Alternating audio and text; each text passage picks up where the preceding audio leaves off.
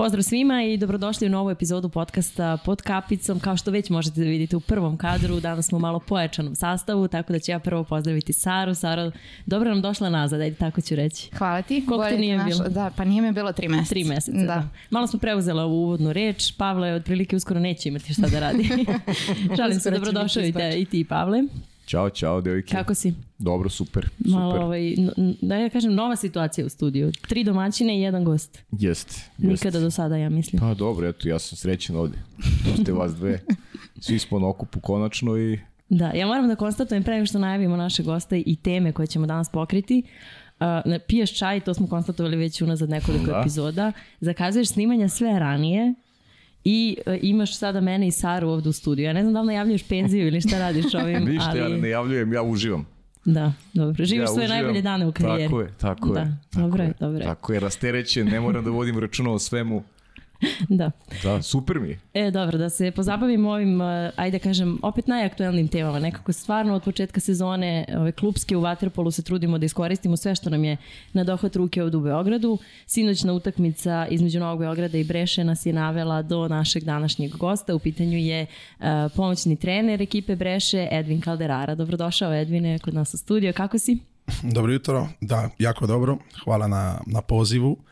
Eh, stvarno je predivan, eh, predivan studio, vidio sam ga na većini podcasta koje pratim svako, svaki tjedan, tako da, ali je ugodno i, i prijatno, baš je, baš je lijepo, eto.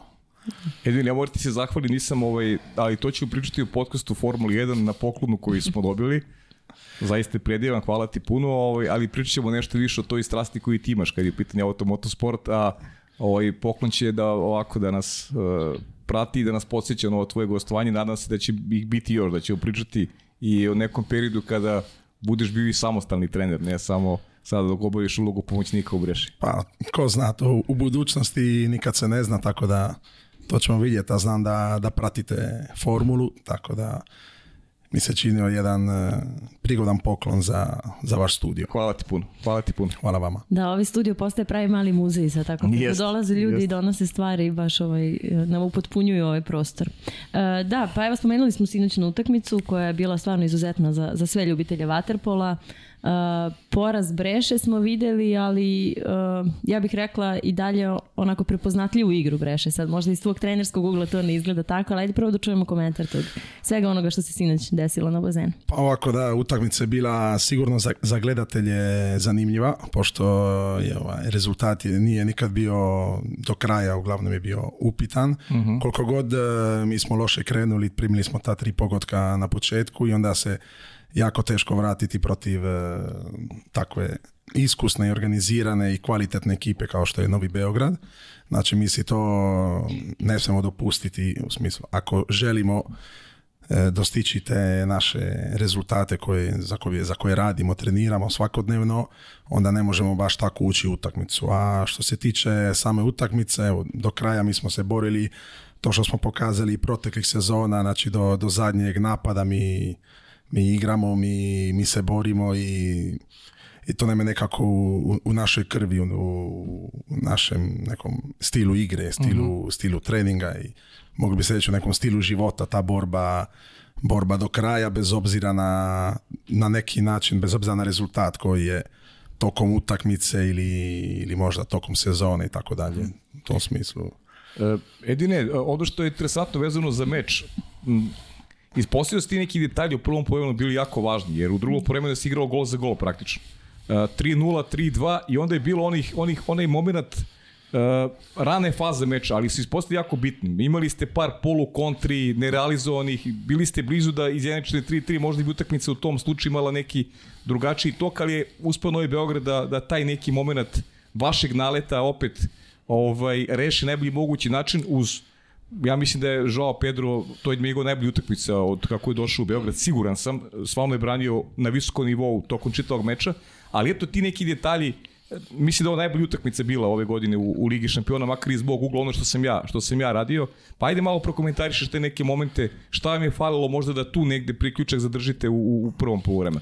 Ma mislim, sigurno što je falio taj neki, taj gol u tim mhm. trenucima, evo ima sad, sjećam se, imam utakmicu onako u glavi, mhm. nismo još gledali, analizirali, bit će vremena za to, ali Evo, pred kraj druge četvrtine smo se obranili s igračem manje, išli u tu, tu kontru koja je naš kapetan Kristjan prešuti, mhm. ne znam sada li je lopta ili nije, nemamo tu, mhm. ne, možemo vidjeti mi iz klupe i tako dalje, a sigurno su ti neki detalji što ja ne volim reći da je ono zadnji gol, zadnji, zadnji napad bitni nego prvi napad, u mhm. smislu utakmica traje četiri četvrtine, znači taj početak 3-0 e, i taj naš e, pokušaj povratka koji na kraju nismo uspjeli ovaj realizirati. Na kraju utakmica završi dva razlike za Novi Beograd i tako da mislim da, da je svaki detalj, svaki moment može biti bitan za, za neki drugačiji ishod e, utakmice, makar sa naše strane što se tiče jučera. Mhm. Normalno je da, da smo igrali protiv e, kvalitetne ekipe, znamo koga imaju ekipi, koji su igrači, tako da sigurno moramo nešto više učiniti da bi, da bi uspjeli pobijediti mhm. ekipu tih e, te vrste. mm ovo mu dođe kao neka vrsta ekskluzive s obzirom da, da trener koji je sine sedeo na klupi nije imao vremena da analizira utakmicu noćas pa sad prvi put kod nas. Da, da. da imamo, imamo, to, imamo to ovaj, pravo da, da čujemo e, ovaj, ekskluzivu da, vezano za meč. Ajde ja ću još malo da aktualizujem pa ću da, da te prepustim devojkama. E, ta breša generalno ove godine. E, i prošli ste kvalifikacije, imali ste jako prepreku u play-offu u suštini, ekipa vaša koja se spremala za ulazak generalno u Ligu šampiona, predvođena Bobom Nikićem, ima tu jako dobrih igrača e, i to ste uradili onako relativno lako, makar to rezultatski delo je relativno lako, tri pobede u Ligi šampiona, e, jedna promena u odnosu na prošlu godinu, e, otišao je Bikari koji se vratio u Kanadu i doveli ste Konstantina Harkova ovaj, iz ekipe Splitskog Jadrana.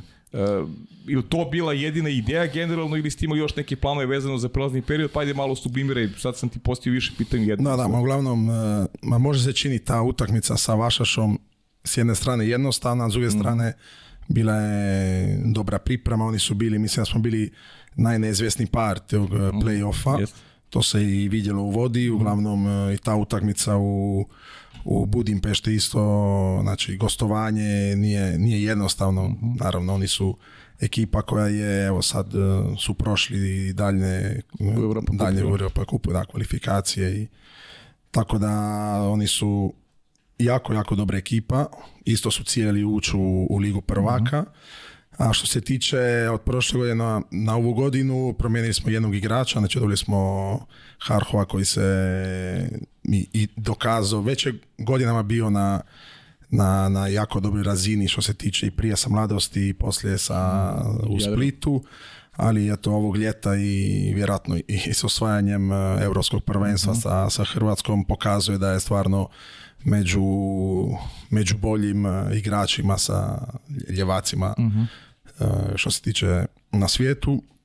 A, da, otišao je Bikari, tako da nismo imali previše plana promijeniti previše ekipu jer ovaj, htjeli smo zadržati tu neku e, ekipu koja je prošle godine da se nastavi na taj, taj neki rad jer protekle godine smo često mijenjali 4 pet igrača mhm. tako da bi opet počinjali neću reći e, od nule ali uglavnom počeli bi opet iz početka e, taj neki mehanizam, ta neka organizacija i tako dalje tako da s te strane ove godine je nekako jednostavnije. Mislim, više se poznajemo igrači međusobno i, i trener s igračima i, i mi koji radimo ovaj, stručni štab, tako da s te strane smo, htjeli zadržati tu, tu ekipu.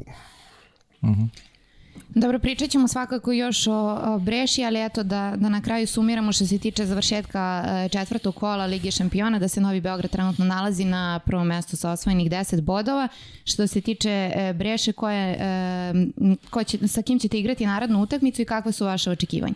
Pa sljedeća utakmica igramo doma sa OSC-om, tako da očekujemo, naravno, očekujemo pobjedu u smislu E, mi znamo da vidjeli smo sad kroz ove rezultate možda je e, naša skupina nekako je, vidio sam i po rezultatima, e, neizvjesnija po nekim situacijama, ali stigno to su sve ekipe koje su, znači igra se Liga prvaka, ekipe koje imaju kvalitetni igrače, tako da mislim da ne postoji neka lakša ili teža utakmica, uvijek moramo ući u, utakmicu spremni odigrati na najboljem mogućem načinu i samo, samo tako možemo doći. Evo, mislim, mi se moramo kvalificirati naravno za Final Eight, tako da to nam je neki cilj i, i tako, tako i radimo.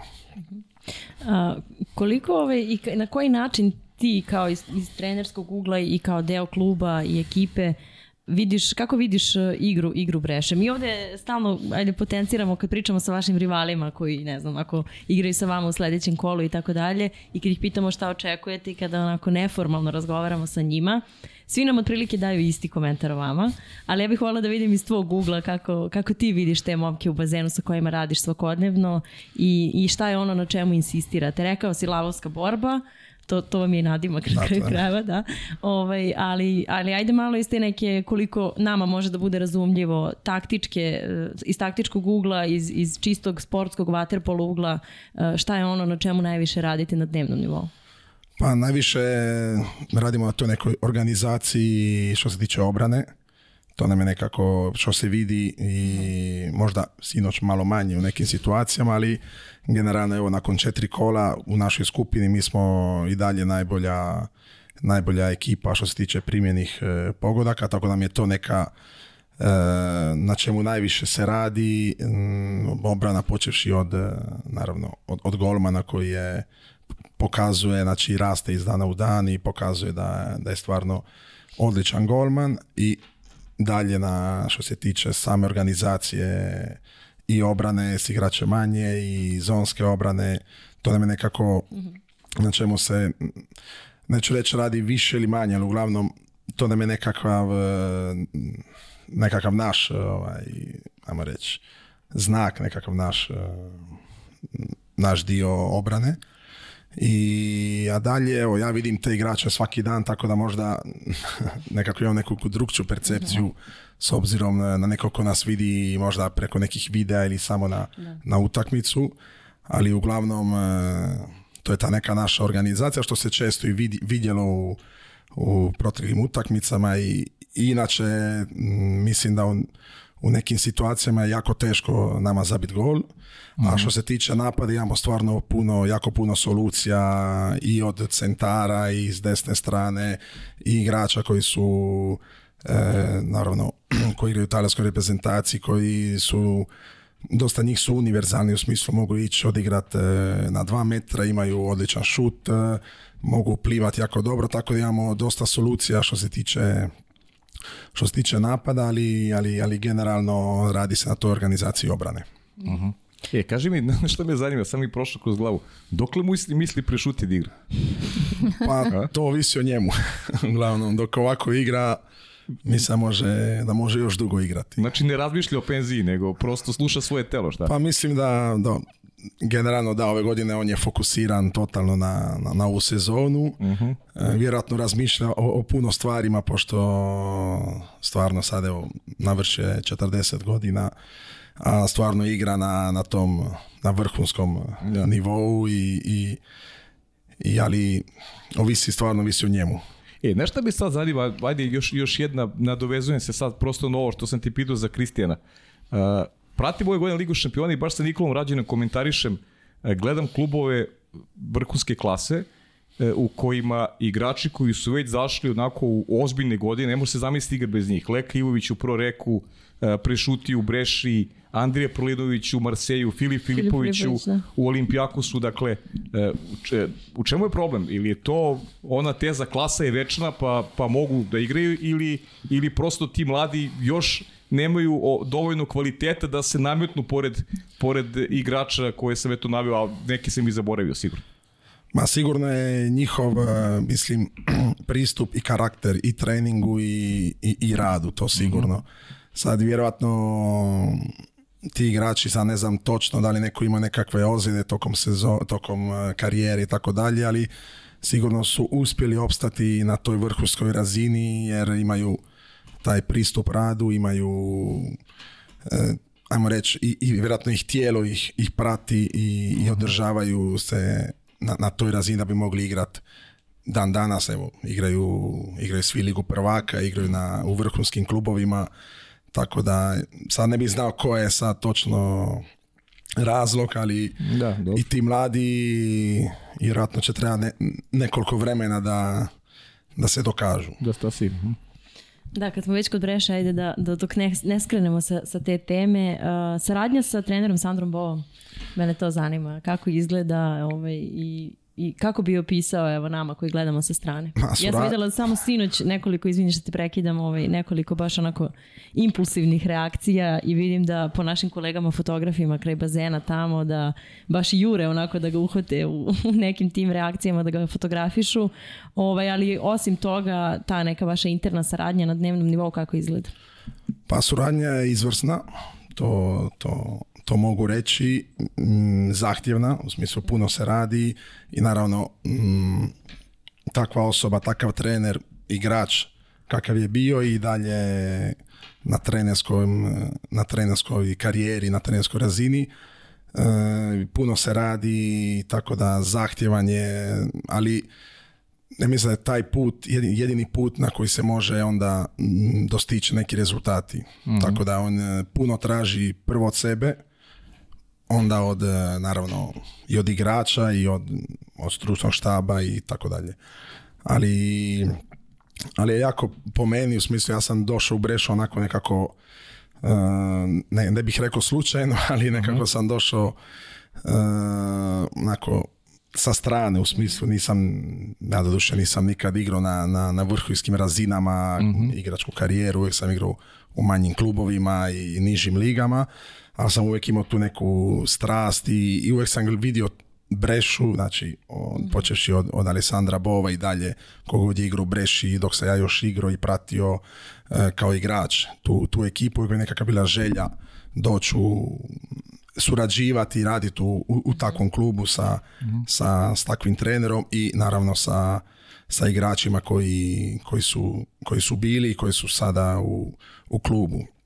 Tako da je suradnja izvrsna, puno, puno se radi, puno se analiziraju utakmice, ali evo, mogu reći da svako iz dana u dan e, se nešto nauči i mislim da imam s jedne strane tu neku sreću koju sam ja ovaj, postao pomoćni trener Alessandra Bova da mogu svakodnevno biti s jedne strane možda i, i, i nekako bolja osoba i, i, bolji trener, nadam se, u, mhm, budućnosti. Mhm. Delo je kao strpljiva osoba? Pa je, s jedne strane strpljiva osoba, ali evo vidite ga i svako toliko tokom, eh, tokom utakmice. Ma, mislim, on igra utakmicu gotovo koji neki igrač u vodi, mhm. tako da dosta imate tih emocija tokom, same utakmice, ali i, i bude lucida u nekim situacijama i normalno neke situacije treba tokom utakmice promijeniti, e, osjetiti utakmicu, vidjeti kako se razvijaju neke, neke situacije, kako igra protivnik, tako da, da s te strane je, ja sam do sad na, na, tim, na tom nivou surađivao samo sa sa Alessandro Bovom, tako da imam, taj primjer mhm. i, i po meni po tom, ne samo po meni, mislim imali ste i, i druge goste i druge igrače mhm. i kako god je možda i, i, igrao s njim ili protiv njega i surađivao, mislim da je na tom na vrhusnom nivou što se tiče vaterpola. Kako uspevate evo, godinama unazad da ostaje breše bez najboljih igrača i onda e, ti praktično onako kao običan posmatrač ti ne vidiš razliku ok, nema više, ne znam, nije Delungo više, tu je sad Tešanović, ne znam, otišli su igrači, došli su, popunjeni su, otišao Lahopolos, e, došli su novi, ali sistem, sistem je taj koji opet daje breši E, pravo da se nada i, i, i uspehu i u, na evropskoj sceni. Dakle, vi, vi dve godine za redom igrate polufinale Ligi šampiona. Prošle godine smo toliko pričali o tim odlascima igrača iz Breše da smo mislili da to neće izgledati na pa da, kako smo navikli. u stvari je Breša bila najkonstantnija možda jest, tokom Otišao Mara Joković, došao Boris Papenski, otišao Vlahopulos, otišli su neki italijanski ali vi ste zadržali taj neki visok kvalitet igre. Kako? Pa radom. radom, radom dobrim i... izborom ovih igrača pa novih. sigurno da, dobrim izborom, znači tu se traži, naravno gleda se, gledaju se neke naravno utakmice, prati se i naravno izborom novih igrača, ali puno igrača želi doći u brešu jer zna kako se radi, mhm. puno igrača želi doći jer vidi kako se onda tokom sezone, godinu, dve, kako se razviju i, ali jedino radom, znači nema tu puno neke, neke sada filozofije. filozofije to je svakodnevni rad, e, rad uvijek na, na, visokoj, na visokoj razini, visokom intenzitetu i, i polako kroz iz dana u dan e, evo, uspijamo ostati na, na tom nekom vrhu što se tiče i, i europske i i italijanske scene. Mhm. Neka taktička posvećenost detaljima preposljedim na treningu maksimalno, je tako? Da, da, da, to sigurno. Mhm. To se uvijek radi na, na minimalnim detaljima jer opet kao se nadovezujemo na neke utakmice, opet su ti detalji koji, koji čine razliku. Znači, koliko god se može to kroz trening, eh, ajmo reći, nekako predvidjeti, ali mhm. radi se puno na tim detaljima i, i to čini razliku onda na, na, na kraju sezone kada se normalno igraju utakmice za, za trofeje. Mm-hmm. Ajde, pričaj mi još o ovaj da devojki izvolite. Da. Da, pa mislila sam da, da krenemo eto sa, sa tom tvojim igračkom karijerom, ali pre nego što krenemo sa vaterpolom, ja sam negdje pronašla informacije da si trenirao futbol. Pa ja sam igrao, mislim kao i svi, kao i sva djeca, mhm. tim nekim, mislim, tako se dobro sjećam, oko 8., 9., 10. godine. Uglavnom, zna sam od, od 11. krenuo u water. Znači, prije vaterpola sam igrao igrao nogomet, uh, igrao sam u tim mlađim nekim kategorijama rijeke, uh svi smo nešto pokušavali tu neku karijeru, pošto je meni, evo, moj tata igrao, igrao nogomet, tako da uh-huh. probaj s nogometom, onda to nije nekako išlo i onda sam prešao na jedno ljeto ako dosta onako slučajno su me, su me odveli roditelji na, trening waterpolo kao proba probaj, poljeti, pa vidi kako ide. Evo dan danas sam... Dosta slučajnosti rekla bih ovaj. Prvo si da, rekao da si slučajno nekako dospeo u brešu, ajde to tako da kažemo, a onda sada slučajno u vaterpolu, a, je li to toliko baš slučajnosti? Pa ne znam baš, to može možda to neki ljubavi Ne, ne, sigurno prema vaterpolu, da ja se sjećam, stvarno vaterpolo je s te jedne strane slučajno, u smislu kao proba i proba je nešto drugačije, plivao, plivao već jesam, normalno, mislim, kao većina djece u, što se tiče u rijeci, na moru, znači više manje mhm. svi imaju tu neku plivačku bazu, ali probaj vata, nisam nekad vidio ni utakmicu i ništa prije toga. Mhm. Mhm. A možda ovo za možda nije to toliko slučajno, to možda ja tako osjećam, ali... Da, ispričajno, kako, je došlo do, do Pa došlo do suradnje, ja sam bio, znači nakon eh, što sam završio srednju školu u Rijeci, otišao sam u Torino na fakultet eh, kinezološki i tamo sam studirao... to je nauka o kretanju. To ćeš da pričaš posle, pričaš posle ovako, zašto si to izabrao i to je baš onako interesantno. Da, to ćemo, može, može. I tako da sam otišao u Torino, bio sam našao tu jednu povezicu sa waterpolo, sa, sa faksom i uh tako da sam mogao igrat e, u Torinu, počeo sam studirati i trenirati. E, tu, ajmo reći, dječicu uglavnom do, do 13 godina, mhm. do 12 godina, one prve mlađe, mlađe kategorije koje, koje su mi bili ovako dali, da, da probamo. Ja sam uvijek htio trenirati, rekli, ajde, probaj trenirati s tom djecom. Tako da sam sa tom djecom, oni su normalno rasli, išli smo dalje, doš dolazili bi do kategorija u 15, u 17. Istina sam jedno ljeto, tu grupu, tu moju ekipu odveo na taj, na kamp sa, sa Bovom, jer eh, svako ljeto radimo kampove u Italiji i otišli smo na kamp, kao idemo tjedan dana svi zajedno na kamp, imate priliku da vas trenira Alessandro Bovo, tad su dolazili normalni neki igrači iz Breše tokom kampa, znači imali smo ono iskustvo i za, za djecu i za mene da ja vidim kako mhm. to ide otprilike.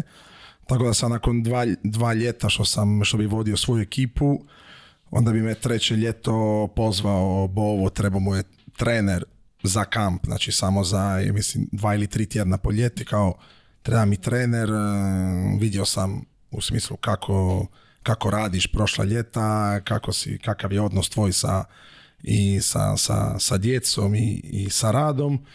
Ja sam normalno prihvatio odmah tako da sam počeo preko tih e, kampova surađivati i onda je otvorila se ta prilika doći u Brešu, preuzeti e, žensku vaterpolo ekipu i početi surađivati kao pomoćni mhm. trener. A kaži mi ovo u Torinu, ovaj, pošto ja veliki navijač Juventus, i si gledao Juventus? Znala sam da je ovo sljedeće pitanje, ovo je užas. Pa gledao sam Juventus, pošto sam ja navijač Juventusa. Tako je, Edvine, bravo, ima nas dvojica sada. Tako da išao sam često na utakmice, uh pogotovo jer kad sam došao oni su gradili novi stadion. Znači Aha. Juventus je bio mm, mislim, nešto loša ekipa nego na što sam ja bio navikao pratit uh prije na televiziji.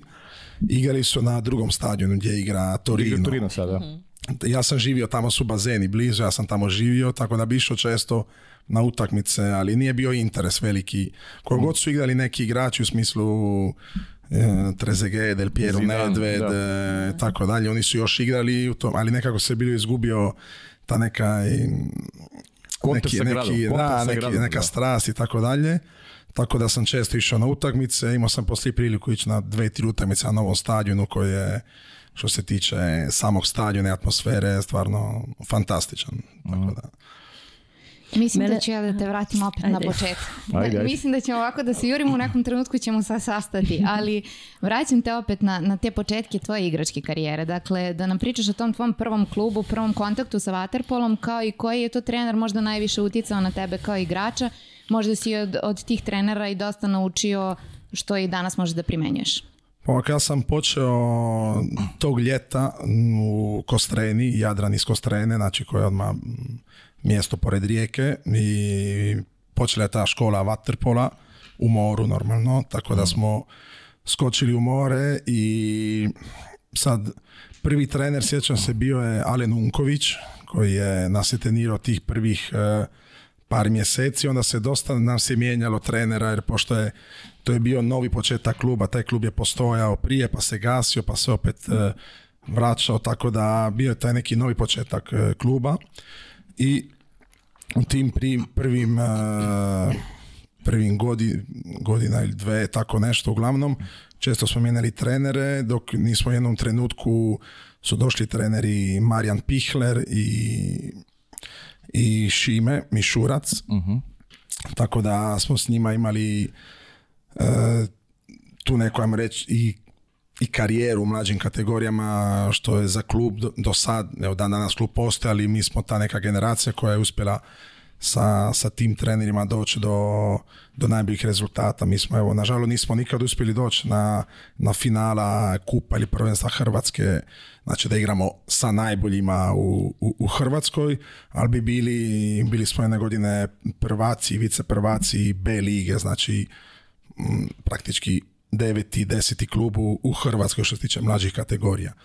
I onda sam taj već tih godina sam i, trenirao sa, sa Primorjem, s mlađim kategorijama Primorja, tako da bi igrao malo po ljeti sa Kostrenom i drugu ligu, treću ligu, ovisno šta se igralo te godine, a trenirao bi sa, sa, sa mlađim juniorima i juniorima Primorja.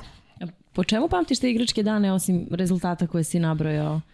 S pa obzirom da, da si bio jako mlad i da je eto, to neka bila ta, da kažem, lokalna priča i da, da si odrastao na moru i tako dalje. Ma da, ti igrački dani su bili stvarno predivni jer smo imali priliku puno putovati. Mi smo provodili cijelo ljeto ili na moru u Kostreni ili na tim putovanjima. Igrali smo po Istri, po, po otocima i onda ovisno ovisno o periodu i znali bići i još e, južnije ili možda do Zagreba i tako sjećam se puno tih putovanja i puno tih e, tih utakmica i, i provoda zapravo sa, sa, s ekipom. To je nešto što, što i dana danas ostaje sa rezultati više manje. Sjećam se da je to nama bilo lijepo. Mi smo mi uvijek pokušavali e, nekako ići što bliže tim, tim boljim klubovima. Realno ali jako nismo nikad dostigli taj neki rezultat, nama je bilo, nam je bilo super provodi ljeta na, na putovanjima i, i u moru igrati i to, mhm. to je nešto što ostaje i dan danas. Ajde sad onda, pošto smo završili taj, taj početak u Hrvatskoj i sam si istakao da si otišao u Torino gdje si nastavio sa studiranjima, ali si ujedno i nastavio sa vaterpolo karijerom, pa kako je bilo usklađivati obaveze studiranja i vaterpolo, je li to bilo međusobno povezano? Pa da, bilo je dosta povezano, u smislu ja sam išao na, na predavanja ujutro, znači do, do jedno 3-4 popodne, onda mm bi išao odmah na bazen gdje bi prvo trenirao te mlađe kategorije, onda bi ja skakao u vodu na večer i tako više manje bih provodio dane, tako da je to bilo usklađeno, dosta Neću reći da je bilo naporno jer to, to, sam, to volim, to sam volio, tako da mi je bilo gotovo gušt radit, ali tako sam bio organiziran e, tokom tih godina fakulteta, uspio sam i, završiti taj fakultet i, i dalje sam onda odlučio otići iz Torina zbog, zbog razloga, u smislu tražio sam nešto, nešto više što se tiče samog Waterpola, mhm. Jer, e, to Torino i nema, ili ima prvu Torino i nema, tako? Ma Torino ima jednu ekipu koja sad igra drugu ligu, mm je par godina prvu ligu, uglavnom to je ta neka ekipa koja je, koja ostaje u smislu što se tiče grada, najbolja ekipa što se tiče tih mhm. rezultata, ali ja sam imao osjećaj da moram naći nešto ajmo reći, više. Mhm. I u tom klubu nisam imao puno, puno mogućnosti, makar ja tako mislim. Mhm. Tako da sam onda odlučio otići nakon, ne odmah jer sam malo, malo sam duže ostao u Turinu, ali dobro, tamo sam bio i... 9 godina nije malo. 9 nije malo, ali ono, eto, dan danas imam prijatelje, među najboljim prijateljima su mi mhm. prijatelji mm iz s kojima smo zajedno u tom periodu igrali i ne samo igrali normalno, ali E, tako da sam ja ostao zbog ti nekih i privatnih, e, razloga. privatnih razloga i onda došao je to nekog trenutka gdje sam, ono, nisam se više osjećao dobro i mhm. otišao na, na drugi kraj Italije. otišao, A kaži mi, si igrao peše ti, jesi ti igrao u Primorju? Si, i si imao... Ja sam odigrao, znači ja sam trenirao dvije godine u mlađim e, kategorijama Primorja.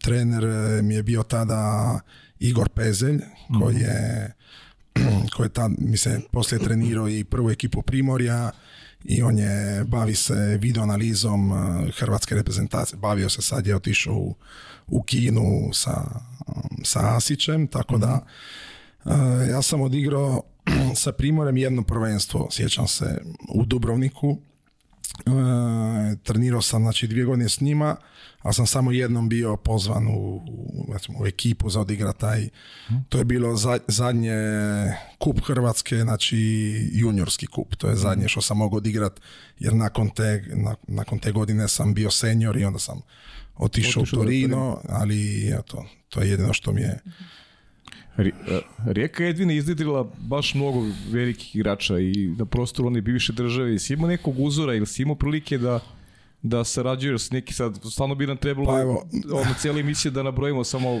ljude koji su koji su meni je uvijek e, uzor bio igrački, da sad, sad ga poznajem i, i, osobno, ali ja se sjećam, ovaj, naravno, meni je barač bio, mm. što sam ja igrao sa, tim, sa brojem 10, em što sam imao mhm. priliku pratit ja sam nekako počeo pratit e, malo bolje vaterpolo te 2007.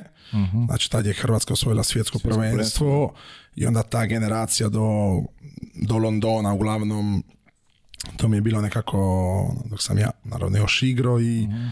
i možda ne, sad možda opretjera, neću već po stilu igre i tako, ali ja sam ono bio nekako... da kao sami Ma da, vanjski igrač, mhm. broj 10 e, iz Rijeke, ali i to mi je nekako bio uvijek uzor, e, uzor dok sam, dok sam bio igrač.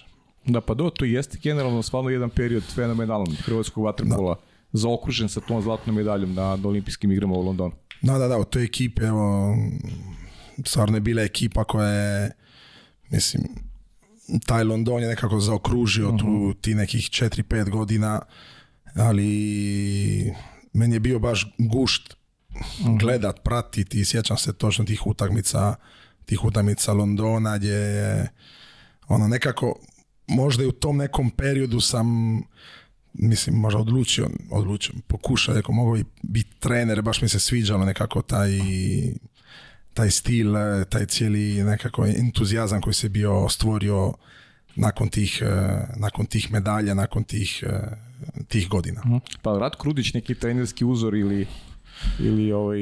Pa, a ne bi znao, mislim, on je osvojio, mislim, da. znamo sve šta je osvojio i, i sigurno je on među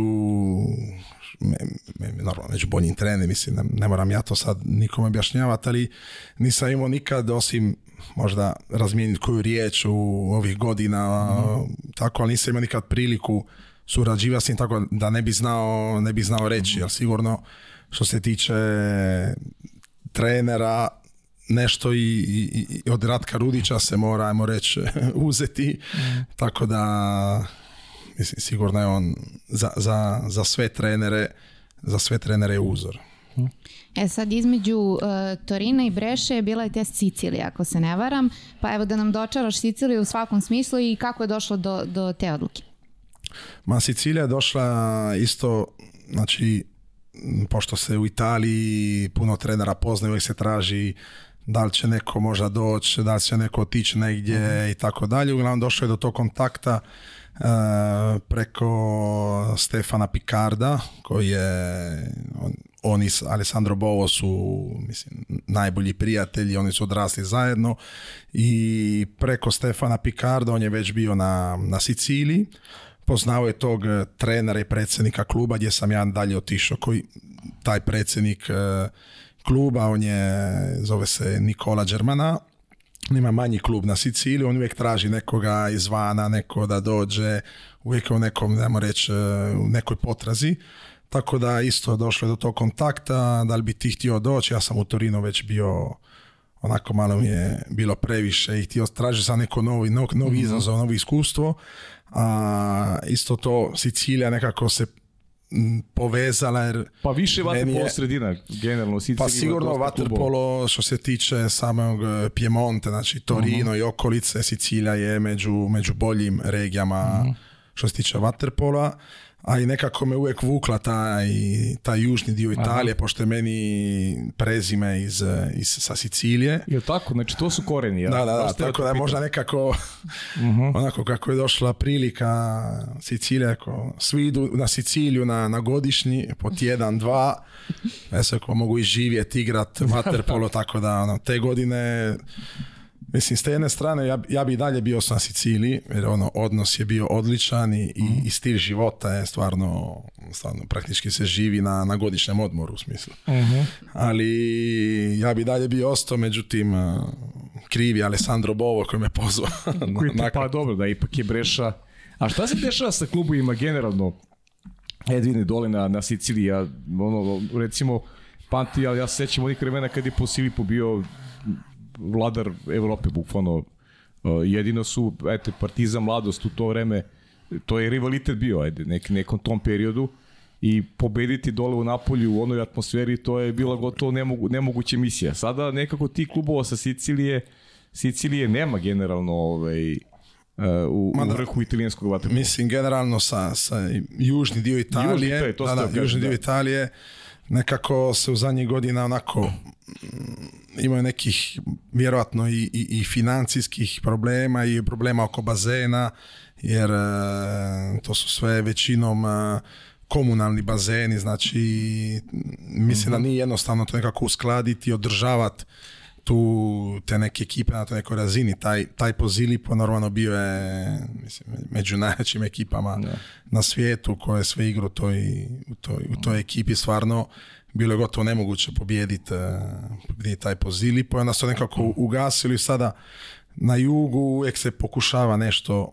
novo napraviti, eh, pokušava se nekako vratiti taj vaterpolo, ali ono, opstaju, evo, sada je nekako Eh, na Siciliji što se tiče Ortiđa i, i, i Telimar, oni su nekako ovih zadnjih godina vratili, ajmo reći, Siciliju na, pri vrhu pri vrhu talijanske lige i, i, i recimo u finalu Len Kupa i inače Ortiđe odigrala jednu sezonu i, i ligu prvaka, tako da mhm. nekako se pokušavaju vratiti, eh, ali nije to to kao mhm. što, što je nekad bilo. Taj jaz između juga i severa uvijek je postoji u Italiji uvijek. A to uvijek postoji, mhm. mislim, ne samo u sportu, u svim, pa u, da, svemu, uglavnom. mislim, na, na sjeveru se nekad, ja sam imao evo, tu priliku i, i živjeti godinu dana na, na Siciliji, baš totalno je drugačiji stil. Mhm. Stil života i percepcija sama na, i odnos prema, prema životu i, i radu i prema se baš i drugačije. Zanima, lepše, možeš, lepše, je, lepše je za e, život. Možeš po nekom pa, detalju da, da kao napraviš razliku je oni pa mogu, to radi svakog vrlo, dana, a ovamo vrlo jednostavno, eto, na sjeveru ako se naprijed, dogovorimo, vidimo se u tri, znači mi se vidimo u tri. A na jugu vidimo se u tri, znači to je... Rastegljivo tri, je po, pet, ono, onako nekako opuštenje, ja se isto osjećam. dobro treninzi ne, treninzi su bili, ja se znam, mi smo trenirali popodne jer smo imali otvoreni bazen, tako da trenirali smo od 2 do 4 je trening, a sada ako bi se dogovarali za neku kavu ili nešto drugačije, to je vidimo se ujutro, pa kad ko dođe, to je nekako razlika, evo sad na sjeveru drugačija baš organizacija u smislu sve nekako organizirano u, u minuti, znači radim, pa pauza, pa teretana, pa ovo. Mhm. A na jugu je sve to nekako jednostavnije. Ne, ne, bih, ne bih rekao da je nešto ljepše ili da je mhm. ljepše na jugu ili na sjeveru. Ne znam, u smislu da, da, da. to kako kome paše, ali baš je drugačije. To mhm. da, to da. To. I da, to je možda najbolje ovaj, raditi na severu, a živjeti, na jugu. Na jugu. pa ili, ili živjeti na jugu, a imate primanja ko na sjeveru. Pa to ne, to je najbolje, da, to je najbolje. Primanja ko na severu, Sjevera, živjeti na jugu. Da, da, da, to je, to je najbolje opcija. Gde bi se više uklopio, Pavel? Pa ne, za život ja nemam dilemu. To je na jugu. Nema Ja ti kažem priprema ja penzije, samo bi ovaj, On će na sever, definitivno, S ovim čajem sve ideš pravo na ja jedino što bi mi nedostalo na severu je da gledam Juventusa. Ovo ostalo... Pa da, dođe Juventus igrat na jugu. Do, pa. dođe igra na jugu, pa da, da. Pričavam posebno o tome, ali ajde, puštam devojke ovaj da Pratimo, pratimo Sarin koncept, pa ću ja posle da pa, u suštini e, prešli smo znači, Siciliju, posle toga si otišao e, u Brešu i sam si istakao da te e, zvao trener da dođeš u Brešu. Kako se sećaš tih prvih trenutaka kad si došao tamo?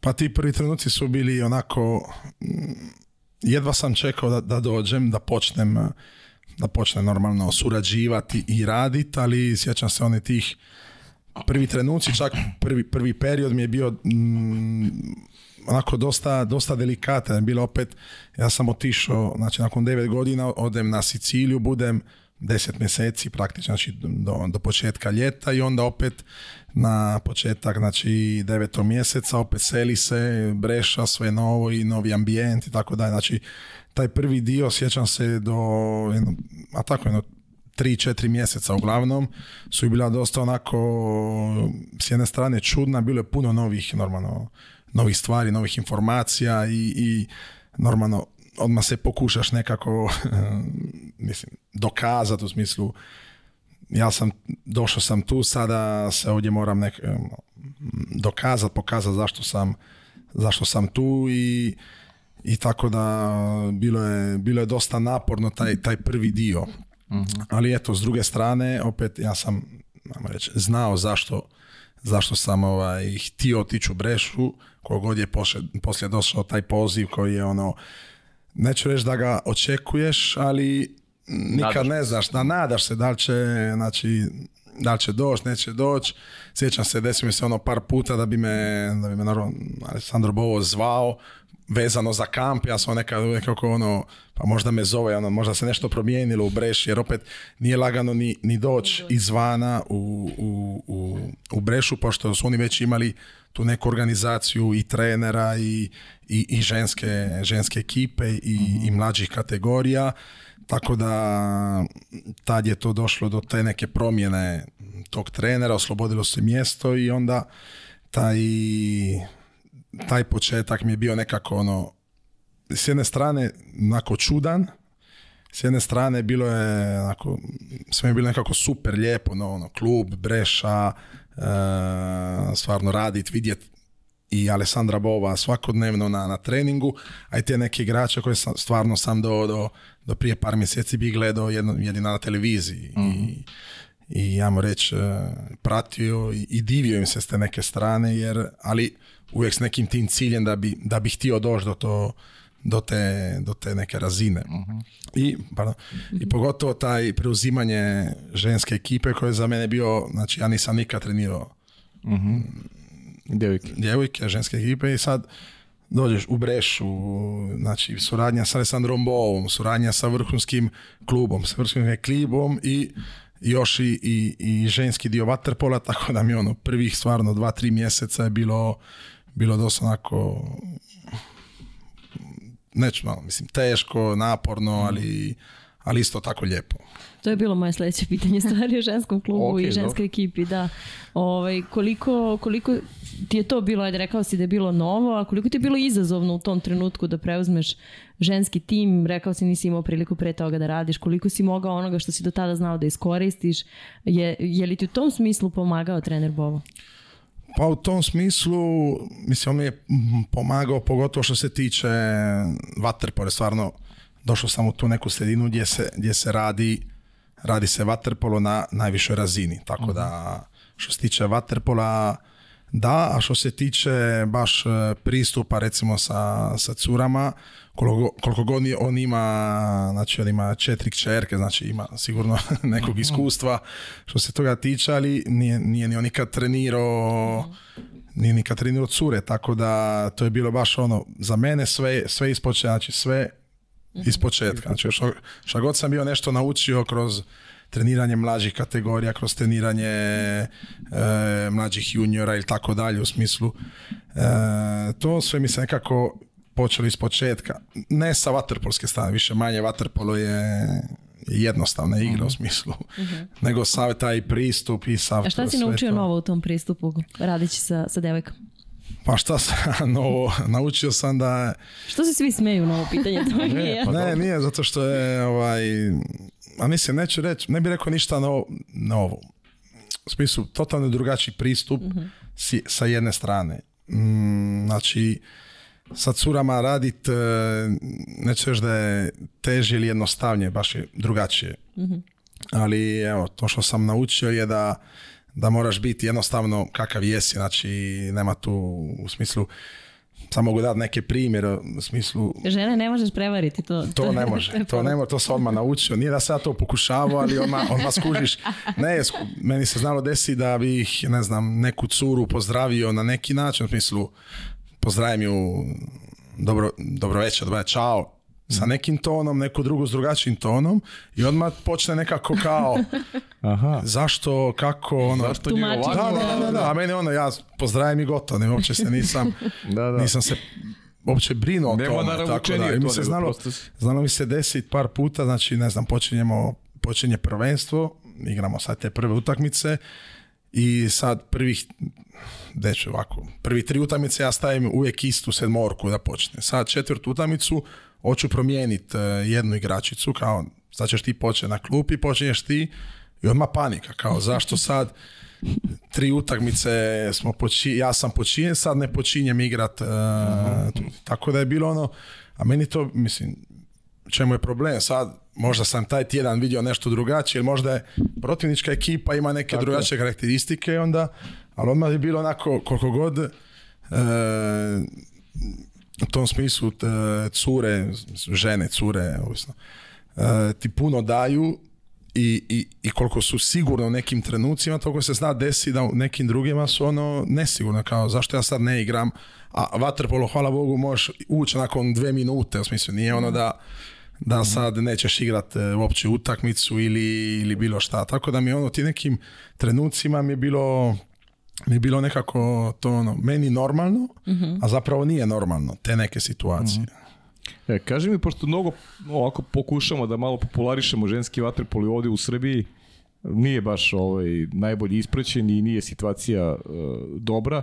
Kako su postavljene stvari u Italiji? Da su recimo u Breši devojke su one profesionalno bave u Breši vaterpolom ili ili aj malo nam pojasni ovaj. Znam da Italija ima velikih uspeha u ženskom vaterpolu, evo i sad na evropskom prvenstvu u Splitu Italija je osvojila srebrnu medalju poraz od Grčke, ali generalno kako funkcioniše, funkcioniše taj sistem, koliko se ulaže i eto konkretno u, u tvom klubu ovaj, kako stvari. Pa, dobro. I kakva je situacija u prvenstvu, ajde kad smo Da. da, da, pa mi moramo još početi prvenstvo jer igramo drugu ligu koja počinje uh sredinom prvog mjeseca, uvijek malo kasnije počinje. Uh-huh. Ne, kod nas cure su, pretežito su mlađe kategorije, znači sve su juniorke, mlađe juniorke i ne, ne bave se profesionalno. Imamo par za koje su iskusnije, koje su igrale i prvu ligu, koje su onako, one su taj iskusni dio e, ekipe i ali ostale su sve mlađe, to je tako neka organizacija u Breši, jer nama je ideja da, da imamo što više cura iz Breše, što više mhm, mlađih mhm. cura, da, da pokušamo nekako proširiti tu bazu, pošto i sama Breša nije, osim sad, što se tiče muškog dijela, vaterpolski grad, mislim, ima drugih, e, drugih klubova u Italiji koji, koji su za, za ženski vaterpolo puno, puno jači. A što se tiče same lige, znači ima 3-4 kluba koji su uvijek i pri vrhu u Europi, uglavnom igraju mm. Euroligu, sad je Champions League se zove i, I, i i Len Kup, e, tako da, ali uvijek su to 3-4 ekipe koje generalno imaju sve igračice reprezentacije plus koju nekoliko igračica iz, e, izvana. to su, su devojke koje se bave profesionalno. Oni se bave, da, da, oni se mhm. bave profesionalno a ostale, čak neki klubovi u prvoj u prvoj lizi nemaju, nemaju profesionalni tako mhm. da ovaj, u Italiji dosta je razvijen, mislim, ne znam koliko je razvijen ženski waterpolo s obzirom na koje rezultate su imale i imaju mhm. sad, znači mhm. u smislu uvijek su, su pri vrhu i europskih i, i, i svjetskih e, prvenstva, tako da ali nije još to toliko razvijeno koliko bi, bi po meni moglo biti. uh e. mhm. A što se medijske ispraćenosti tiče, čini mi se da makar Breša na svojim društvenim mrežama prilično onako jednako daje prostora i ženskoj ekipi i muškoj. Da, to je bio onak e,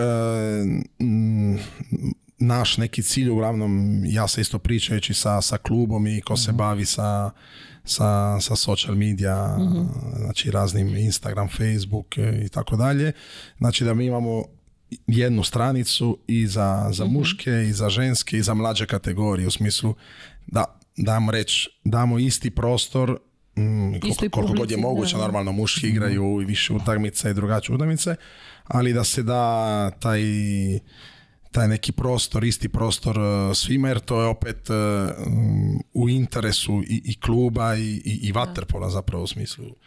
To je, to, je nama, to je nama cilj da se što više razvije ta, ta baza da imamo što više i djece i, i da pokušamo onako nekako i što se tiče ženskog vaterpola rast, e, rasti što više. Pa mhm. lepo je da publika koja prati muški tim zna šta se dešava i sa ostalim selekcijama u klubu, tako da ima, ima logike u tome. Da, da, to je tako smo počeli prije dve sezone i tako ćemo i nastaviti. Mhm. Kad smo već kod tog mhm. eh, marketinga, izvini, eh, Pavle, eh, rekla bih da eto, mi se suočavamo sa tim problemom da, da mladi jednostavno atraktivnost samog vaterpola i u Srbiji, ali čini mi se da ista situacija u Hrvatskoj je dosta problematična, međutim čini mi se da u Italiji nije taj slučaj. Pa šta je to što mlade privlači u Italiji da, da je možda taj vaterpol atraktivniji nego što ga ovdje smatraju? Pa ne znam, Waterpolu se, što se, u Italiji, što se tiče Waterpola, evo makar mogu pričat, e, osim nekih regija koji imaju tu neku tradiciju, kojima je nekako i, i, i možda jednostavnije privući, privući djecu na, na bazen. Kod nas se puno, puno radi što se tiče škole plivanja i onda ih pokušavamo mm, privući mhm. vaterpolu.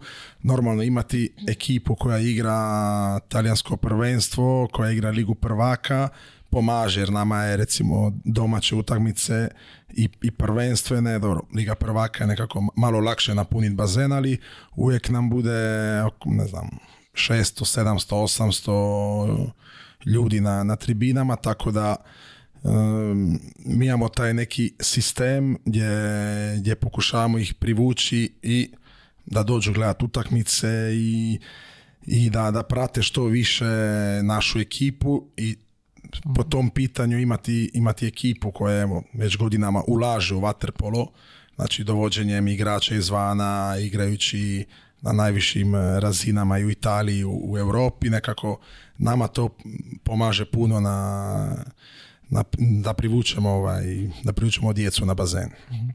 E, kaži mi, pričali smo malo te prije emisije, e, imao si priliku eto da, da, da ovaj, ajde negde budeš deo deo sistema još u vreme pokojnog predsjednika Pjera Borelija o kome su ovde e, pričali bukvalno bajke, svi koji su prošli kroz sistem Breše, pa kako ga ti pamtiš, šta ga to čini specifičnim da da eto mnogi igrači koji su imali takve karijere poput recimo Danila Ikodinovića koji kaže da nikad nije e, e, radio sa, sa čovekom koji je toliko posvećen po takim gospodinom pa ajde eto iz prvog ugla nekog iz tvog ugla u stvari da nam ispričaš ispričaš malo o toj nekoj, o toj priči vezano za, za čoveka koji je očigledno imao veliku strast prema vatri. Da, da, ja sam imao tu sreću da ga upoznam, znači čim sam došao, mhm. on je, ovaj, znači on, mislim, sjećam ga se, on je bio uvijek na bazenu, on je bio, bio je duša kluba, znači od, od, od kad ja znam za, Brešu, znam za, za Pjera Borelija, tako da je stvarno on je, on je bio sve, sve u klubu i dan danas kogod je ovaj, ili bio dio kluba ili kogod je tih godina normalno do, u Brešu ili, ili surađivo sa Brešom ima, ima odlično pamćenje, pamćenje u njemu.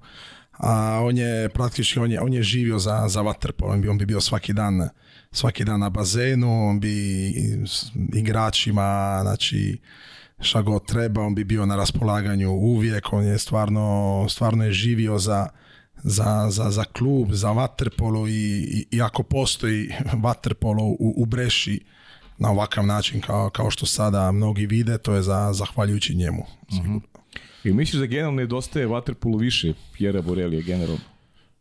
Pa sigurno da da, u smislu da ima, da, bude što više ljudi sa takvom strašću i takvim normalno i, i, i poznavanjem e, samog, e, samog vaterpola i, i, i, rada, sigurno bi bilo vjerojatno i više ekipa koja, koje bi mogli igrati e, na nekim, na nekim višim razinama, u smislu vaterpol je bio popularni sigurno i, i u Europi i u svijetu, šta mhm. je to sigurno, mislim, to se nekako traži od waterpola ali nikako da, da, da, da krene u tom nekom, tom mhm. nekom smjeru kako bi svi željeli. Ali si, si ti zadovoljan generalno, pre nego što pređemo na video pitanje, ajde kad, uh, imaš utisak da sport nekako ide u dobrom pravcu? E, i sa novim pravilima i sa ne znam koliko je marketinški ispraćen kalendarom. Kalendarom e, utakmicama, imaš evo dve godine za redom igraju se svetsko i evropsko prvenstvo, dakle biće tri svetska prvenstva u, u Maltene u jednom olimpijskom ciklusu što je mnogo opterećujuće za, za, za zdravlje samih igrača. Ma mislim, po, meni je to loše s jedne strane. Mm, evo sad smo imali, sad smo imali priliku znači, vidjeti eh, svjetsko nogometno prvenstvo u smislu i ta priprema za utakmicu, za četvrt finale, za polufinale. I ti Ti dani koji prolaze, znači koliko se to radi, koliko se očekuje ta utakmica, koliko se uspije nekako mm, pripremiti, koliko je to, dobro, koliko je to isto povezano u, u mhm. cijelom svijetu, koliko to ljudi normalno može gledat, pratiti, ali mislim da što se toga tiče igrat mm, europsko, svjetsko, europsko, svjetsko, pa onda normalno olimpijske, pa tako. Mi sad se nekako gubi, znači sad u Waterpolu, ne znam, svjetski prvak si godinu dana. Mislim, automatski izgubiš taj neki ili euronis. jedino što je ostalo su olimpijske igre koje ti daju taj neki, da. taj neki, a da, u smislu ono, ja sam olimpijski prvak četiri, godine. Mm a ovo ostalo nekako po meni se gubi. Normalno, svi tu ima vjerojatno nekog interesa i, što se tiče klubskih natjecanja i, i, i, i, nat, i ovaj, europskih prvenstva i svjetskih, ali na kraju mislim da bi igrači trebali biti na, u centru znači, te organizacije, znači bi se čini stvari da da budu igrači na najvišoj, ajmo reći, razini pripreme, kvalitete, da budu što spremni, da bude što manje ozljeda, da se i ko gleda vaterpolo da gleda najbolji vaterpolo, neka se zna desit, eh, bez da idemo sad u detalje, ne znam, ovo ljeto, naravno desi se da, da, da, da selektori biraju koga će voditi na europskoj ili na svjetskoj, jer možda se igra sve u roku od tri mjeseca mhm. i automatski s jedne strane se, se nekako gubi, eh, gubi neka, ta mhm. neka strast ili to neko očekivanje igram svjetsko prvenstvo i želim biti svjetski prvak. Tako da po meni je s te strane bi se trebalo, trebalo normalno nešto promijeniti.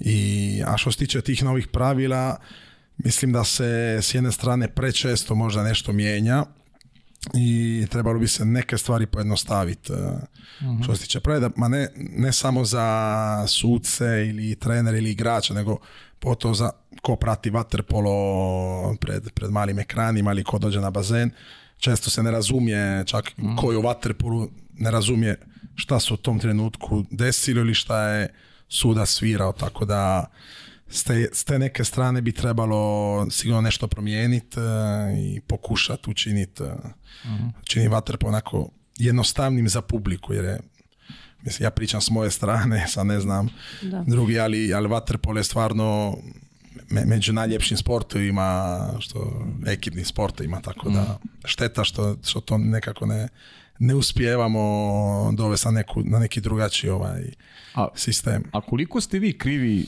vi struke recimo, ajde krivi, e, da li možete i da li treba budete agresivniji u nastupu prema ajde kažem nekoj vrhuški neki ljudima koji koji ovaj, određuju kalendar da, da se malo više zaozmete, da napravite neku uniju koja koja će da vas drži jedinstvene kako se ne bi dešavalo da evo dve godine zredom imamo evo sad sledeće godine e, tri velika takmičenja i svjetski kup i i, i evropsko prvenstvo i svjetsko prvenstvo pritom imamo klubsku scenu koja je imamo jako lepu ovu ligu šampiona gde se igra dobar vaterpolo, gde se igra najbolji klubski vaterpolo ali to je stvarno preveliki napor za za, za grupu igrača koja treba da iznese e, celu godinu maltene bez, bez slobodnog vikenda. Ajde, ajde. No da, više manje je tako.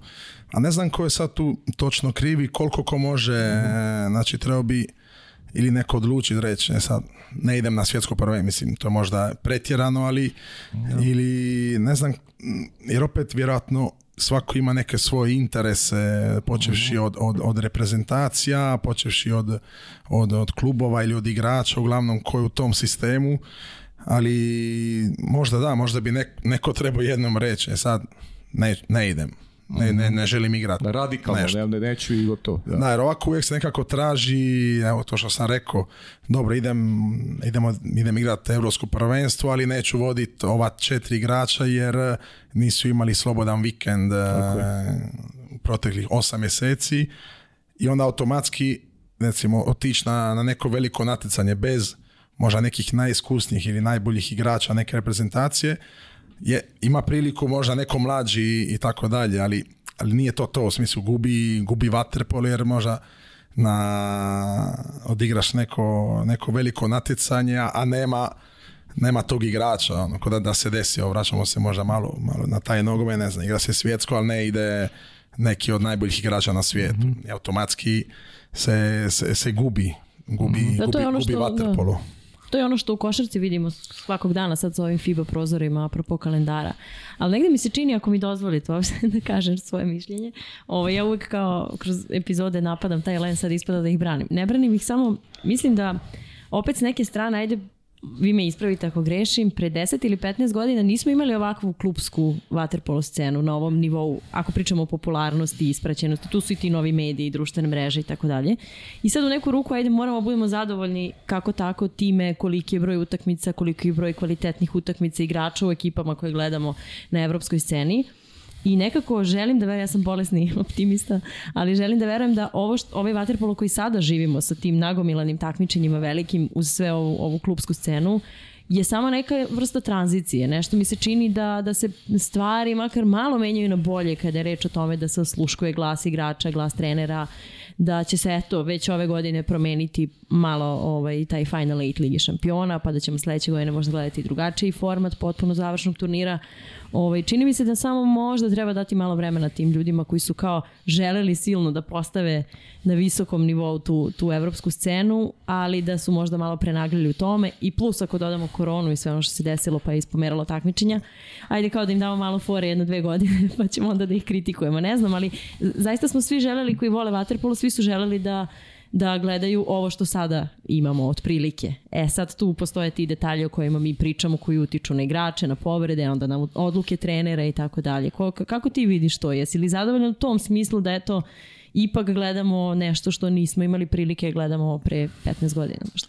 Pa da, sigurno s jedne strane se, se poboljšalo, normalno mm, evo recimo mi uvek svake godine želimo igrati e, u Ligi prvaka jer to je, naj, mhm. igra se najbolji vaterpolo i, i, i puno, je sada popraćen i, medijski i puno je utakmica i, i sigurno što se tiče samog rasta ekipe, recimo evo što se nama desi u talijanskom prvenstvu, ne, nemamo puno utakmica kao što imamo u, u Ligi prvaka. Znači, sa te strane da, ali po meni vjerojatno ta korona je malo m, mm, pomjerila neke, neka natjecanja, nešto se sigurno ovaj, moralo odigrati. I tu se istina nisu snašli ovaj, u Lenu, moram priznati, ali dobro. Ma dobro, teško se ko je snašao generalno, mislim.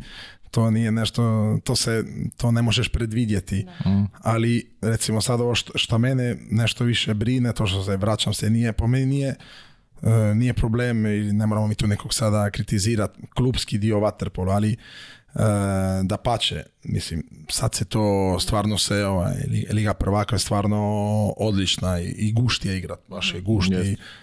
i, putovati, igrati igrat e, domaće utakmice i napuniti bazen i, i e, po meni samo taj dio tog svjetskog europskog prvenstva, to je nekako, mislim, ja bi mm, ja bi rađe da se to igra mislim svake tri, četiri, nije bitno sad koliko, ali onda automatski imaš više vremena recimo za odigrat, e, ne znam, klubsku sezonu, ma, malo bolje ovaj, odigrat, e, e, nek bude i malo, malo duža i nek, a nek imaju, ne znam, mjesec, mjesec i po slobodnog, pogotovo ko igra na vrhunskim klubovima i naravno za, za svoje reprezentacije, jer puno, ja sam imao ovih godina prilike pričat sa, sa puno tih igrača E, koji stvarno nisu imali slobodno ljeto proteklih e, ne znam koliko godina. I automatski, ono koliko god, naravno kad te zove tvoja reprezentacija, ti ideš u reprezentaciju, nema sad tu previše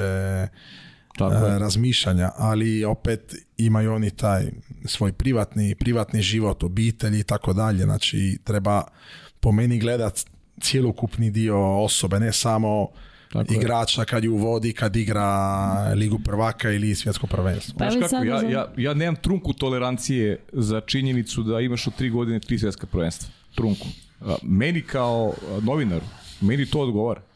Ali di sam ja bit, nisam ja na prvom mjestu. Na prvom mjestu su ti momci koji treba da igraju tri godine svjetsko prvenstvo, o njima treba da se vodi račun. A meni zbog e, posla, pa meni bodiš ti ima tri svjetska prvenstva. Realno ali ne smemo da budemo osebični nikako, već da gledamo one koji su u proizvodnji, koji su u procesu proizvodnje, njima je to veliko opterećenje. A ne samo to, to pričali smo Edvin i ja dok smo dolazili ovde na snimanje.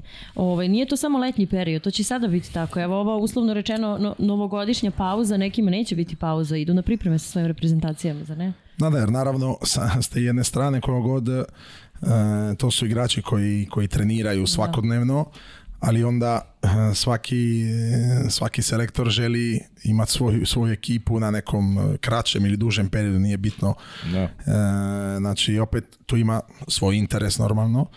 I, i evo stvarno zna se desi sa nekim našim igračima koji ono, otići će možda dva, tri dana kući pa onda neke kraće pripreme pa je nova godina možda opet slo, pa opet neki dva, tri dana kraće priprema i onda se vraćaju u svaku svoje klubove, tako da s te jedne strane nije, nije jednostavno uskladiti e, uskladit sve to, a po meni evo, to što si rekao, sigurno novinaru je bolje imat e, pa imamo ali, ali ja mislim da su tu bitni igrači, znači treba biti e, igrač koji je na, u centru tog sistema i koji treba vidjeti da li je za igrača bolje odigrat 60-70 utakmica na godinu raznim natjecanjima ili je bolje odigrat 40, ali na nekoj višoj kvaliteti, na nekom e, boljem i marketinškom ovaj, u smislu. Znači, Nekoj platformi bolje, da. tako je.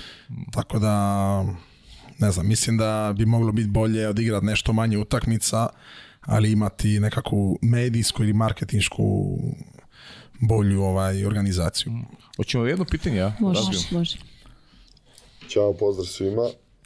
E, imam pitanje za Edija, e, kako stiže da, da odradi sve što radi za ekipu i za klub zapravo, e, pošto malo ljudi zna, on je trener i, ženske selekcije i, mlađih kategorija i jednih i drugih i uskače kad treba.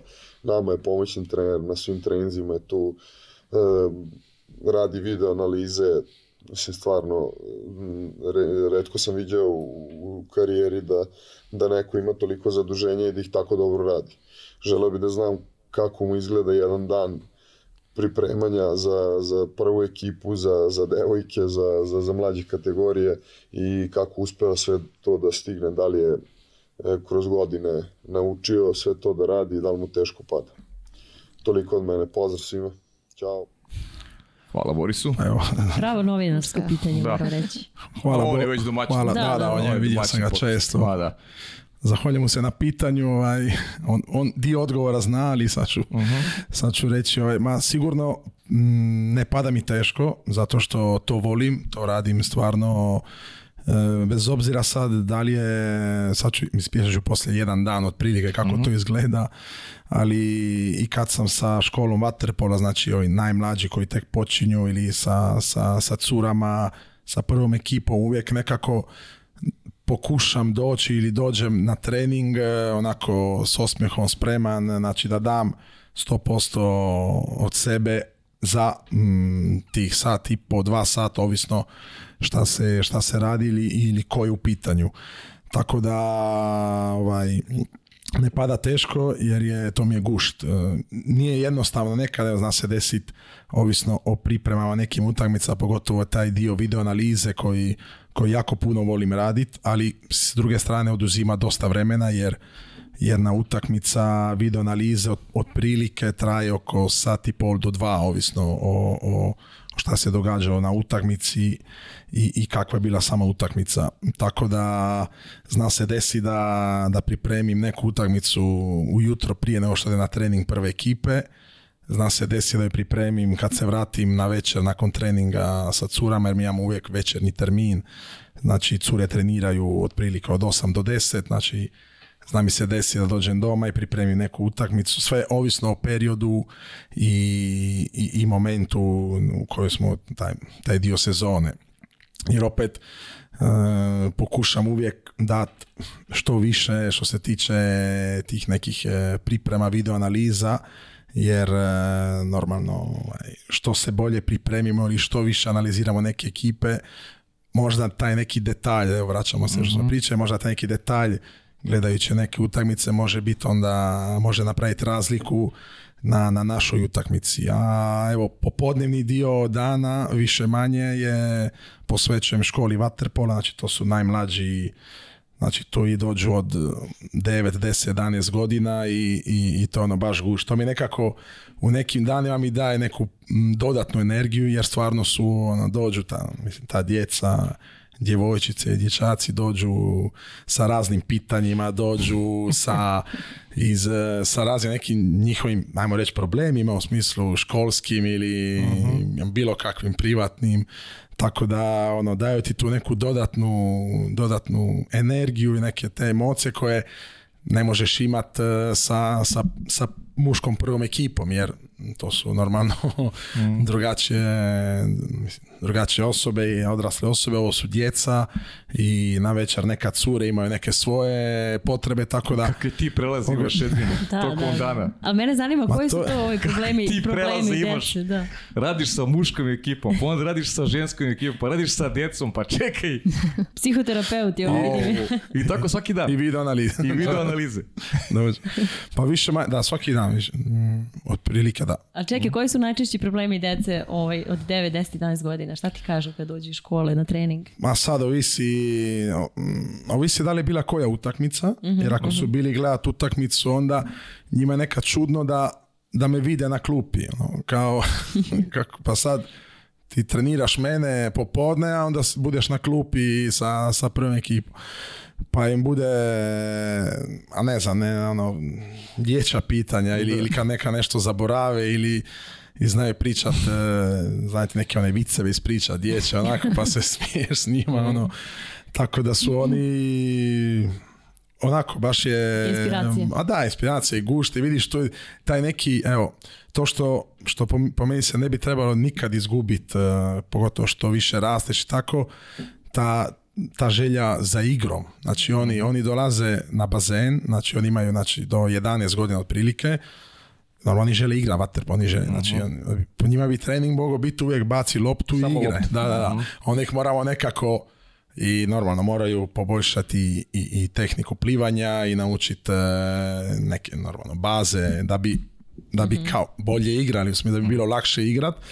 Ali, ali njima dođe ono, najsretniji su kada svako toliko bude, ajmo igrat sat i po utakmice, oni su najsretniji jer lopta igra i i tako da, da, da s te jedne strane, mm, mislim, znaš nekad i zaboravi na te neke druge, mhm. druge probleme koje možda, nam reći, ima, ne znam, prva ekipa jer treba pripremiti utamicu protiv eh, Ferenc Varoša i sad kako, kako neke situacije ali je, ali je baš je gušte, oni ne, ne pada teško jer je, jer je lijepo to radit, nije jednostavno svaki dan, ali, ja to je pa- tako. Ne moram da te pitam sad, pošto si pomenula tu želju za igrom, na tvom mesto je sedala dosta trenera i nekako se čini u trenutku kada igrači odluče da postanu treneri, u bazen se više ne vraćaju. Međutim, ja sam negde videla da se ti vraćaš u bazen i da svakog leta zapravo svoju pauzu, iako smo upravo kritikovali te pauze, kako su kratke, ti pauze iskoristiš da, da se vratiš u bazen. Dobro, ja pauze iskorištavam, pošto do, do danas nisam još imao priliku i ne znam, nadam se možda u budućnosti surađiva sa nekim eh, reprezentacima. znači imat, neki, uh možda malo manje pauze, ali imat nova iskustva što se tiče nekih eh, reprezentacija, mlađih mhm. ili seniorskih, nije, nije bitno. Imate neko drugačije ljeto, ali do sad bi ljeto proveo u Rijeci i često budu znači, turniri u moru, budu turniri normalno amaterski, pošto više ovaj, ne, ne treniram vaterpolo. Oni beton lige. ma da, takozvane divlje lige ih mhm. zovemo, gdje, se pretežito sastanemo znači, neke stare generacije, gdje ajmo reći igramo vaterpolo, ali više budemo ovaj, na rubu bazena, tako da znači uz neku priču, uz neku pivicu, priču i mhm. tako dalje, ono, svako se nekako ovaj, sastane i to bude lijepo, tako da i to je dobro jer više manje niko nije u treningu, tako da nema neke pripreme. Da. To se skoči u more, igra se i, i, i to je to uglavnom. Ta neka želja za igrom ostane ostane uvijek, znači nema tu, nema treninga, tu se igra koliko ko može i, i to je to. I kaže mi, šta, si mislim, šta su neke osnovne razlike kakih uopšte ima u nekoj metodologiji rada e, u, između recimo Hrvatske gde, si, tvoja baza i evo godinama već radiš u Italiji. Šta su to neke razlike između tog, ajde da kažemo, hrvatskog stila i, i italijanskog? Pa da, mislim da hrvatski stil e, i generalno e, stil s ovih krajeva mhm. Ehm, znači počinje od same strukture igrača, znači ovdje su igrači i viši i, i, i nekako širi, teži, znači mhm. ta struktura je mhm. fizička je drugačija i prema tome se nekako i, i sam stil i, i treninga mijenja, znači može se vidjeti e, generalno talijanski igrači imaju znači taj što su slični Španjolcima, znači Brži su ta neka brza igra pokretna, ta neka igra gdje evo, mi imamo više, više igrača koji mogu igrat e, u nekim situacijama centra, beka, može mm vanjskoga. a i dosta se igra ovaj, u Italiji sa tim nekim prolazima, oplivavanjima mm i tako dalje a recimo s ovim krajama više ono tradicionalna za mene tradicionalna normalna waterpolo mm znači uh, golman back center, ta mhm. struktura koja mora biti na, na, na, na vrhunskoj razini a ostalo se onda počinje graditi oko toga mhm. tako da je ta neka raziga. ali opet sad vidimo na recimo Liga prvaka znači igra se, svi traže, znači moraš imati vrhunskog centra da bi ti razvio taj, taj mhm. neki svoj stil igre u napadu. Bez obzira da se sad dosta dijelova igre igra je bez centara, vidim da više manje svi, makar mm, minutu, dve, tri, nije bitno, pokušaju odigrat eh, bez klasičnog centra mm sa, mhm. više, s više pokreta, ali recimo, recimo to mi koristimo u nekim situacijama. Vidjelo si sinoć. Da, da, da. mi koristimo možda ekipe s ovih krajeva nešto manje, mhm. ali a sigurno da, to je ta neka razlika što se tiče same metodologije i, i, stila treninga. Pa da, to može vidimo po tome što neki klubovi sa ovih prostora imaju i po tri centra uh, u rosteru. Ove, ovaj, ona klasična baš tri centru osteru igri, znači što ukazuje na, na, na, sudar stilova koji imamo prilike da gledam, pogotovo u ovom elitnom takmičenju. Da, da, da, to je sigurno, to je ovaj, vjerojatno tako se i trener koji trenira te ekipe, sigurno ako je s ovih krajeva se nekako osjeća možda sigurnije imat eh, takvu mhm. vrstu ekipe i normalno sve ostalo se, se gradi u tom mhm. stilu. Tako da ovaj, recimo neke druge ekipe imaju možda brže igrače ili neke uh onako modernije centre koji su i, moraju sve biti e, sve bolji plivački jer e, onaj klasični centar je sada onako sve ih je, sve ih je manje. Da.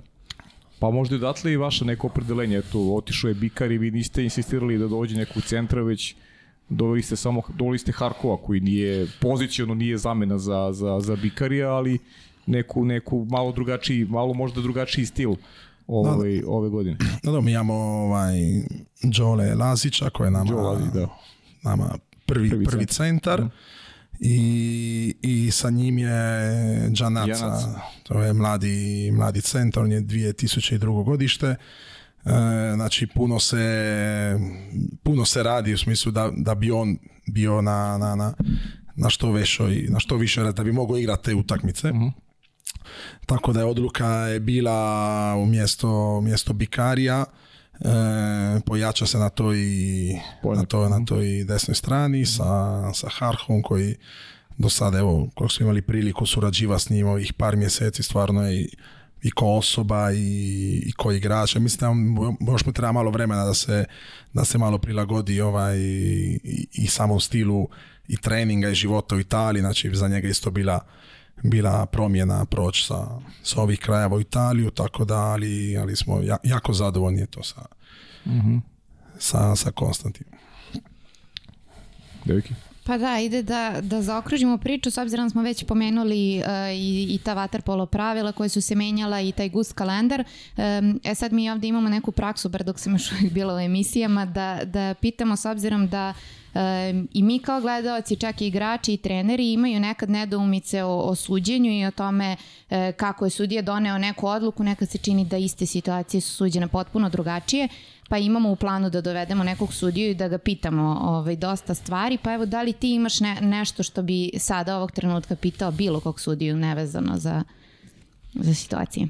Ma mislim, sad ja ne bi baš previše da. pitao suca u smislu mi ovek, evo, i tokom utakmice imamo nekad prilike i sa sucima porazgovarati znači izvan utakmica no, jer ja mislim da bi bilo naj, najbitnije za, za sam waterpolo da su te neke situacije uvijek iste i da se uvijek su...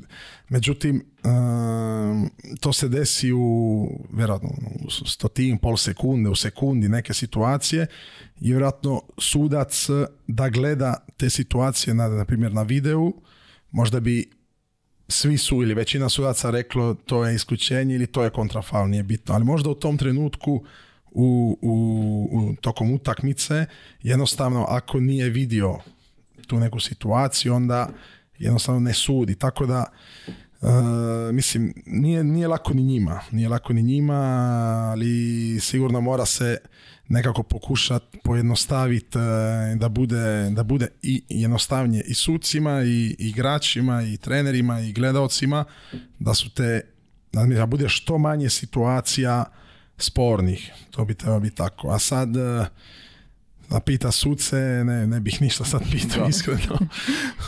ih pitate ih vi, možda neko pitanje ćemo onda postaviti.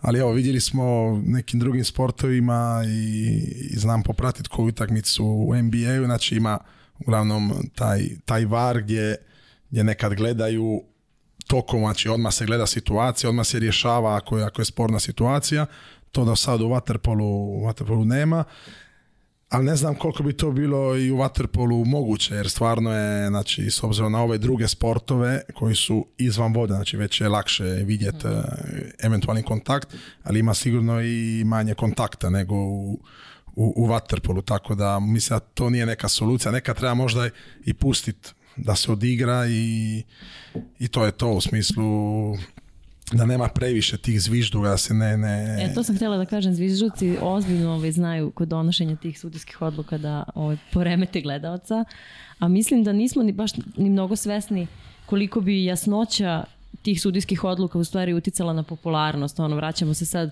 svi pričamo o tom marketinškom delu i kako da poboljšamo društvene mreže, a zapravo je vrlo jednostavna ova faza rada i, i edukacije na kraju krajeva svih nas koji sa strane gledamo vaterpolo. Ne znam da li tu postoji neki način, šta vi mislite ovaj, da se, da se eto, ovaj, sa strane, ajde osim nas koji možemo da prinesemo kao da dovedemo sudiju u emisiju i pitamo ga nešto, ali da li postoje drugi načini da se na, na neki način sprovede ta edukacija ljudi prvo nas kao nekih predstavnika medija, onda dalje ka, ka publici ovaj, da, da nam se pojasne ta pravila? Pa ne znam, sigurno bi trebalo, mislim, moglo bi se pokazivati neke situacije u mhm. nekim emisijama i, mhm. i pokazivati e, i kakav zviž, znači svaki zvižduk ima svoje značenje. Mhm. Znači to bi moglo biti prvi neki, neki pristup, znači ako znači isključenje se, se na neki način, kontrafa neki drugi, gol i tako dalje. To bi sigurno nekako pomoglo da, da, ali evo što smo prije rekli nekad, nije, nije samo problem šta je sviro suda, znači ja znam da je sviro kontrafaul na primjer. Mm. ali ne znam gdje ga je svirao i zašto. Znači, tu, tu, se, tu se događa taj... Video, da. da, a vjerojatno je, mislim, vjerojatno je vidio kontrafaul u tom trenutku, mislim.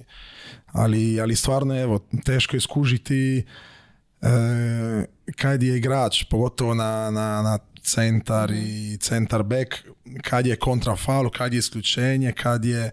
Tako da bi s te neke strane trebalo trebalo pokušati pojednostaviti. Ja sam ovaj, razmišljajući sam sa sobom, onako rekao da a mislim, gledajući na, i na košarku koja isto, neke stvari su slične mhm. što se mhm. tiče polo, košar i tako, trebalo bi napraviti da bude, da sami igrači igraju, jer šta se sad dešava? Dešava se često da, e, ne znam, ne smijem primiti gol sa centra, znači odmah je isključenje u tom nekom smislu. Mhm.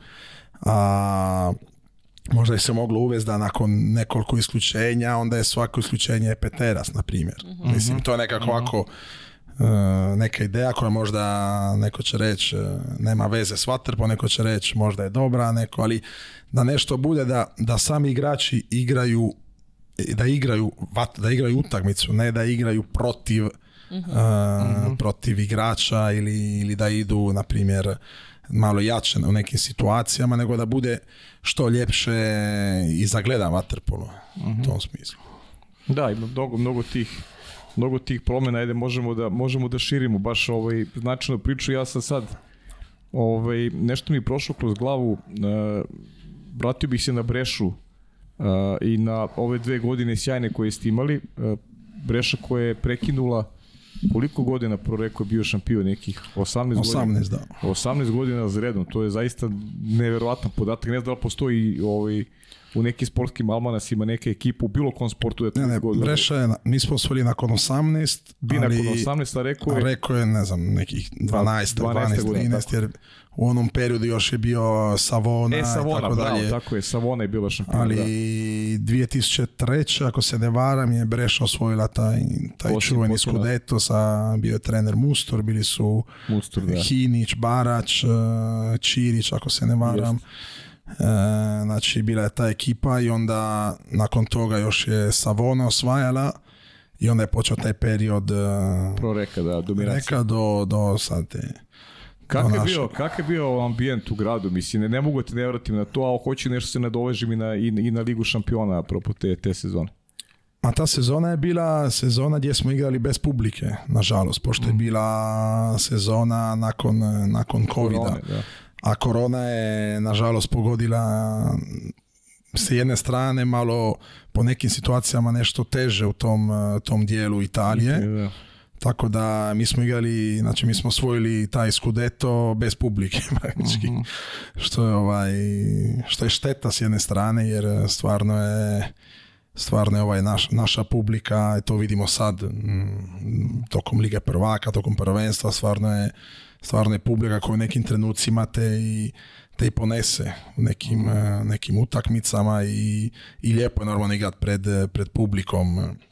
Znači, bilo bi uvijek lijepo igrat pred punim tribinama. Mm, tako da, ali te emocije stvarno, evo, ne znam, dan danas razmišljajući o tom skudetu, stvarno je nešto, nešto povijesno za, ne samo za naš klub, nego generalno i za, za Waterpolo, pošto je ta dominacija bila dugo godina, što, što po meni nije mhm. s moje strane s stane strane pozitivno za, za nešto e, možda je ljepše kako je recimo u Mađarskoj da je svake godine tu su 3, 4, 5 klubova koji i u zadnjih godina možda je Ferenc sada nešto malo dominantniji, ali se znalo da svake godine neko drugi osvoji prvenstvo i, i, za, za Waterpolo to u Mađarskoj sigurno je, sigurno je puno bolje za interes Waterpola. Ali eto, mi smo, ja sam, znači doduše nisam, ja sam sad evo šesta, god, šesta sezona u Breši, ali znam da je prije bilo tako, uvijek eh, se pokušavalo i, dolazilo na, na korak do, do, do tog osvajanja skudeta. Tako da koliko god, mislim nije jednostavno ni svake godine bit drugi mm. i, i, i, opet vratit se sa, to što si prije rekla, neki igrači odu, neki dođi, opet bit tamo iza i opet bit tamo, znači to je isto ta neka karakteristika našeg e, i kluba i trenera i, i, i cijele organizacije da smo uvijek tu do, do kraja mhm. Tako će i biti. E, a uvijek sam, to sam želeo da ti pitam i ranije, zato što mi je ta godina, nisam mogao da idem na, na Final ovaj, iz nekih razloga, ali mi je utisak, glavni utisak, imao sam veliku želju da, da igrate protiv Proreka u finale tada. Ali ne znam da li, sam u pravu ako kažem da ste možda malo ovaj, i previše slavili tu šampionsku titulu, a pritom imali ste veliki pek da Disoma nije mogao da igra E, taj finalni turnir imali ste jednog ozbiljnog igrača koji nije mogao da, da bude u rotaciji i opet ste taj to polofinale sa Ferenc bilo na jednu loptu i Na, bilo je na, na, sekundu. Bukvalno je bilo na sekundu i vi ste dve godine za redom u stvari gubite polufinala, što ti kažeš, na sekundu, da.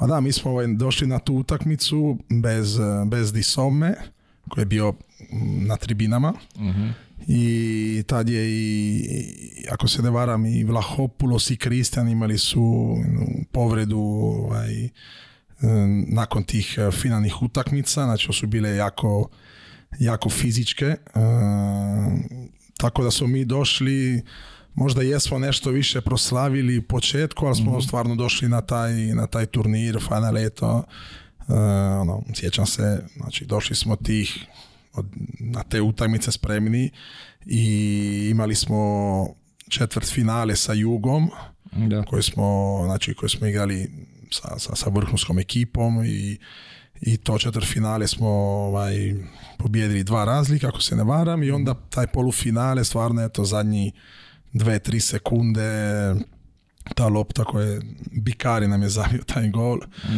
u, za ulazak eh, za ulazak u, zapravo bilo je neriješeno, znači ne znam šta bi bilo dalje, ali uglavnom mi smo, mi smo jako željeli ući u to finale, ma ne zato što bi igrali protiv Reke ili protiv bilo koja druga, nego jednostavno u, u za, klubski, za klubsku povijesta i već ulazak među četiri je bilo, bilo znači prvi put mm, da smo bili među četiri ekipe u Europi, a htjeli smo ići normalno dalje, mm, na kraju smo osvojili tu to treće mjesto koje je stvarno ono, zatvorilo tu, tu sezonu na, na, na, na lijep način, mogu reći. Stvarno lijepa sezona i, i, i ostaće to uvijek u, u klubu i u svim igračima i i u nama u pamćenju. Jeste, taj korak, ali može se napraviti korak više ili razmišljate o tome? Kako pa mora se. mora, Znači, neki... Mislim, mora, ne mora, mislim, mi da, za to... se ne mora, ali, ali se želi, to je To se želi, mi zato i, i treniramo i radimo i tako će, tako ćemo pokušati ove godine, u smislu. Doći do finala, znači, Liga šampiona. Pa da, to... Dobro. Da, ne, sigurno. Dobro, zapamtiš šta si rekao, dobro. Da, ne, pa- ćemo godinu na kraju. Tako je, posle Ligi šampiona pravac studije. Da. Ovdje kod nas. Da zajedno analiziramo. Da, analiziramo dešavanje, da. Hoćemo, imamo li još video pitanja? Kako su... I, ima, ajde, da, video da, pitanje, da, obavezno. Io volevo sapere una cosa da te.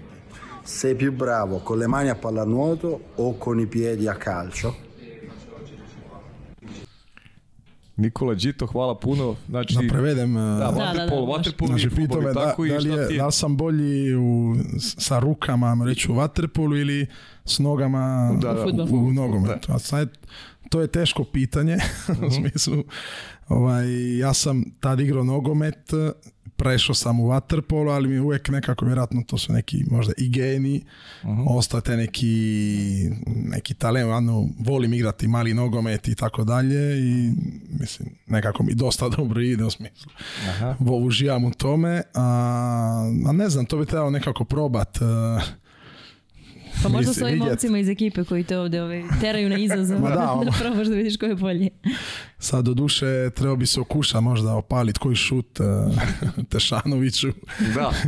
I vidjet kako kakva je situacija, ali ne znam, ne bi znao, ne bi znao. A tata je tata igrao, znači igrao futbol na, na, na kom nivou? Ma on je igrao, znači mm, uvijek u Rijeci, okolici, uh tad mhm. su bili još neki drugi klubovi koji vjerojatno sad ne postoje više. Mhm. I znam da je dosego bio mm, pripreme sa nekim mlađim reprezentacijama, u tako to nešto sad. Dalje točno ne znam zašto nije, išlo dalje, ali znam da je, ono, uvijek smo pratili nogomet i, i sjećam se, pošto je meni, meni Nona radila u, u Italiji neko vrijeme, bi donosila od, od Juventusa ovaj uh magazin, časopis, ona bi ja to pratio, tako da je nekako počeo taj ta neka strast za, nogometom i samim Juventusom, ali mhm sigurno eto, to je nešto je ostalo u tim, tim genima što se tiče samo nogometa. Svi mhm. putevi vode u Juventus. Pa normalno. ja, e. ja jedvim razumijemo se potpuno. Ovo, ovaj, čujem i dok pričaš i nekako je logično da, da si puno vezan za, za rijeku. Ovaj, koliko imaš danas vremena, koliko često ideš uopšte tamo? Pa sad e, ovisi o, o, o kalendaru, kao što smo prije pričali, osim e, svakodnevnih obaveza, onda dolazi vikend gdje imamo subotom e, igra muška ekipa, nedeljom igraju, igraju cure, tako da post, počinje jedan period, poslije praktički subota, nedelja smo uvijek nekim mhm. utakmicama, jer inače sama udaljenost Breša Rijeka je oko 4,5 sata, znači ne bi to mhm ne, ne, mogu bi nekad za vikend otići, ali ovisi baš kako se poklopi ovaj kalendar svih utakmica, jer e, ono, i sad generalno ne idem baš često koliko bih htio otići kući, mhm. ali, ali čim stignem onako na par dana odem, odem vrlo rado. napuniš baterije. Ma da, da, mislim, evo, meni meni u Breš je super e, i klub i, i od, od, predsjednika kluba do svih, e, svih ljudi koji rade mhm. i no, drugih tre, znači ambijent je stvarno fantastičan, radi se, e, osjeća se ta, ta želja za, ma, osim za vaterpolom baš ono, inače imamo, imamo lijep, lijep ambijent mhm. u, klubu i grad isto, ne znam, da ste, da ste imali priliku. Ja nisam, nažalost nisam. Znači, O, ovim putem vas pozivam. Hvala puno. Pozivam e, u Brešu, pošto je Breša onako blizu Verone, blizu mhm. Milana, ima tu i, i Lago di Garda, znači vrlo interesantna ne pozicija. Ne moram da uopšte, došli smo. U, Veroni, Veroni sam bio u Milanu, da, ali eto, Breši mi nije put. znači, ali opet evo šta meni makar osobno fali je more, to je stvarno, mm. ne znam, ne znam to nikako objasniti, meni se ono. Pa da, i nama dosta fali more. da, fali, fali. Već A čekaj, voziš bicikl tamo? Pa vozim kad stignem. da, pošto... Ne, ne, volimo tić. E, imamo ovaj, naš klubski fizio, je isto voli, voli izlaziti sa, sa biciklom tako da kad stignemo neka onako nedelja ujutro, ovisno normalno sve o, kalendaru i, i, obavezama, ali volimo otići prema, prema jezerima oko Breše i ja, je Lepo, da. A da, da, ima, ima stvarno puno zelenila, ima, ima mogućnosti malo onako izaći iz, tog, iz tog grada, pošto je Breša je mal grad, ali je, ali je dosta onako, ima puno auta, puno, puno stvarno ljudi, neka su znali gužve, nije velik grad, ali, ali se osjeća ta neka, onako, u nekim trenucima za mene pretrpanost e, što se tiče što se tiče same, samo grada, ljudi i ta, što sam govorio prije, sve nešto u, u minuti organizirano, onako malo odeš, e, odeš u prirodu, to, to sigurno kad stignemo, kad stignemo idemo. Si zakačio mene... Roberta Bađe? Nisam, nisam, nisam. Nisi, da, bađe. Nisi, znači ta, to vreme vreši nisi mi pa nisam, da, nisam, to je bilo ranije, bilo... Vi neka, tako da, da. To je bilo... Davno da. Breša, sad je već. Sad je Breša malo, malo ima drugačije ambicije da.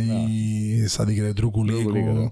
Tako da, onako, E, a mene zanima ovaj košarkaški klub. E, pravi, stižeš uopšte da... Pa otišao sam na par utakmica, na par utakmica sam otišao jer mm, više volim pratit uh, ovakve sportove uživo. Znači, uh mhm, mhm. pre televizijom, ne znam, nekako mi nije mi uvijek taj neki, neki gušt pogledati utakmicu, jednako ne igra možda da.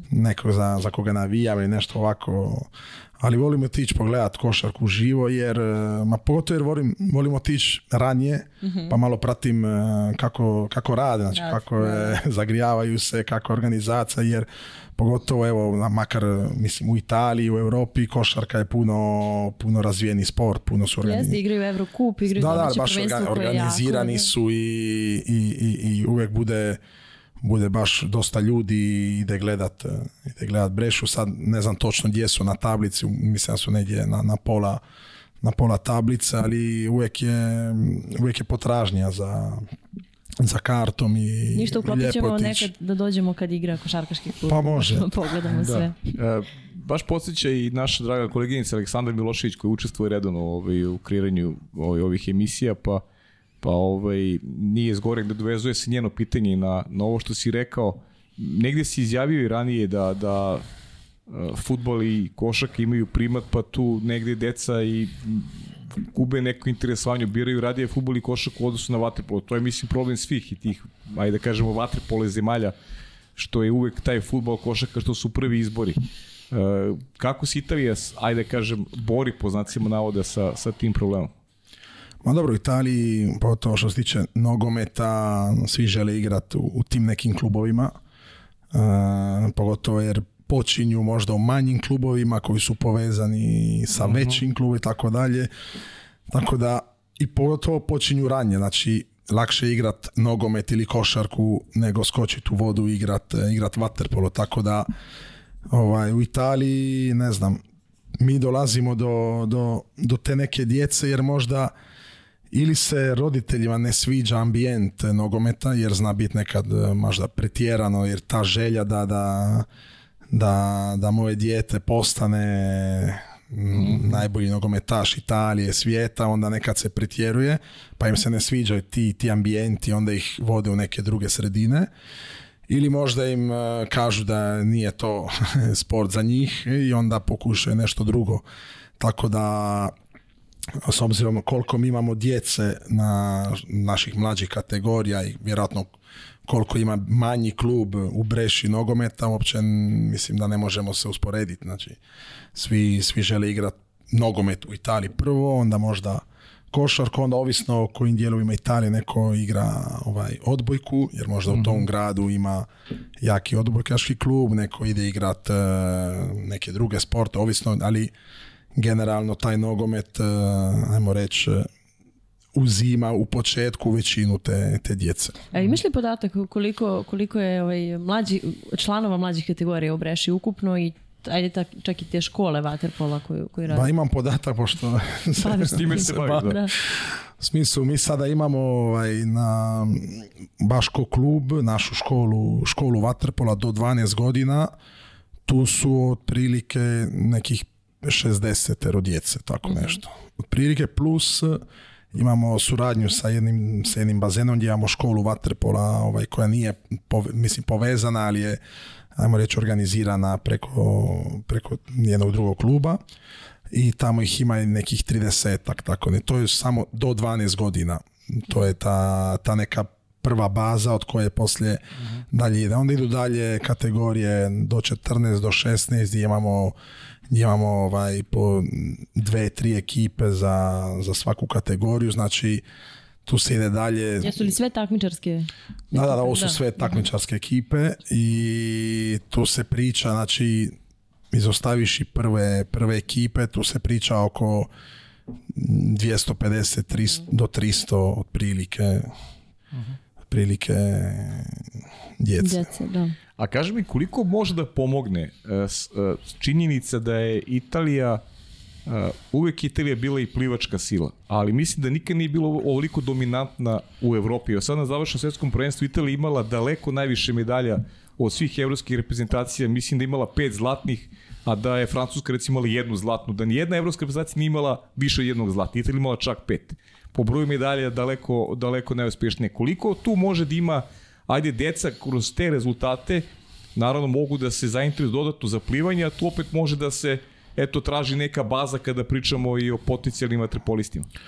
A da, evo sad, Italija na tom evropskom prvenstvu stvarno dominirala u, to, u Rimu. Što je u Rimu je evropsko, ali ovo i sad i na svjetskom. Da, da, sad na znači, zadnji period je stvarno do, A, znači, ovisno, vjerojatno, mi, mislim, nema ta neka suradnja u smislu uplivanju ih, pa, mhm pokušavaju ih zadržati eh, na neki način što duže eh, i onda možda kad, kad pređu u vaterpolo sa 14, 15, 16 ovi, to je nekako malo kasno. Mislim, treba biti sistem da do nekoliko godina, nek bude 9, 10, nije bitno, mhm.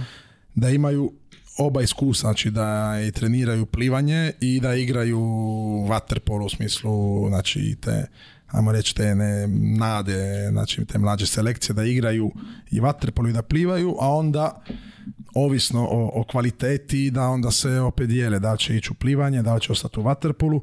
Po meni sa takvim nekim sistemom mm, manje bi djece išlo u plivanje, jer ja mislim da za, za plivanje treba imati neke predispozicije e, koje su malo drugačije u smislu u vaterpolu uvijek se nađe uh, ajmo reći, mjesto za, za, za, svakoga. U mhm. smislu imate raznih uh, na, pozicija, ima raznih uh, vrsta igrača, znači nekako je lakše naći mjesto mhm. u, u a za plivanje opet da bi bio među boljima moraš stvarno biti, mislim, nekako trenirati na neki način, biti nadaren, imati sigurno i, i, i vrhunske trenere, ali nekako je s te jedne strane možda je teže uspjet e, u, u plivanju jer si ovisiš o sebi. Mhm. A u Waterpolu možda imaš, e, ne znam, ti si dio te jedne ekipe, tako da to bi mogao biti neki sistem gdje bi se onda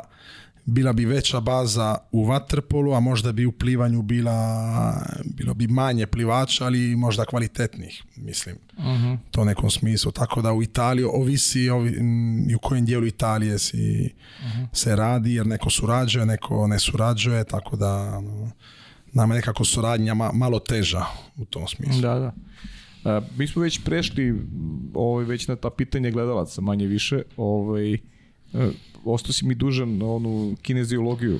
Odakle ti ideje za, za, to je nauka o, kretanju i Aleksandar mi takođe podsjeća e, Milošević da ovaj, malo pojasniš koliko ti je pomogla ovaj, e, u tom nekom trenerskom poslu ovaj, i ajde, pre svega odakle, odakle ideja da, se, da, da, da, to studiraš? Ma ideja onako nekako u srednjoj školi, znaš, kad počneš malo razmišljati šta bih htio radit kad, odrastem.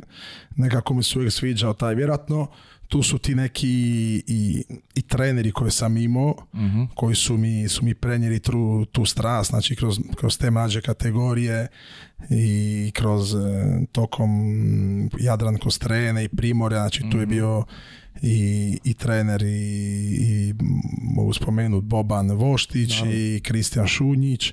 Oni su im bili mm, ti treneri koji su i nekako prenijeli tu strast za, za za tim, za tom vrstom posla koji mhm. ovaj, možda to imaš nešto u sebi, ali opet e, nekako vjerojatno ti to neko... Onako, neko treba da prepozna. Ma da, neko ti prepozna, možda to onda, mislim, ja sam opet, ja sam to probao prije nego što, u smislu, ja sam otišao u Torino i rekao, probat ću da ja tu, te, tu djecu pa vidjeti kako ide.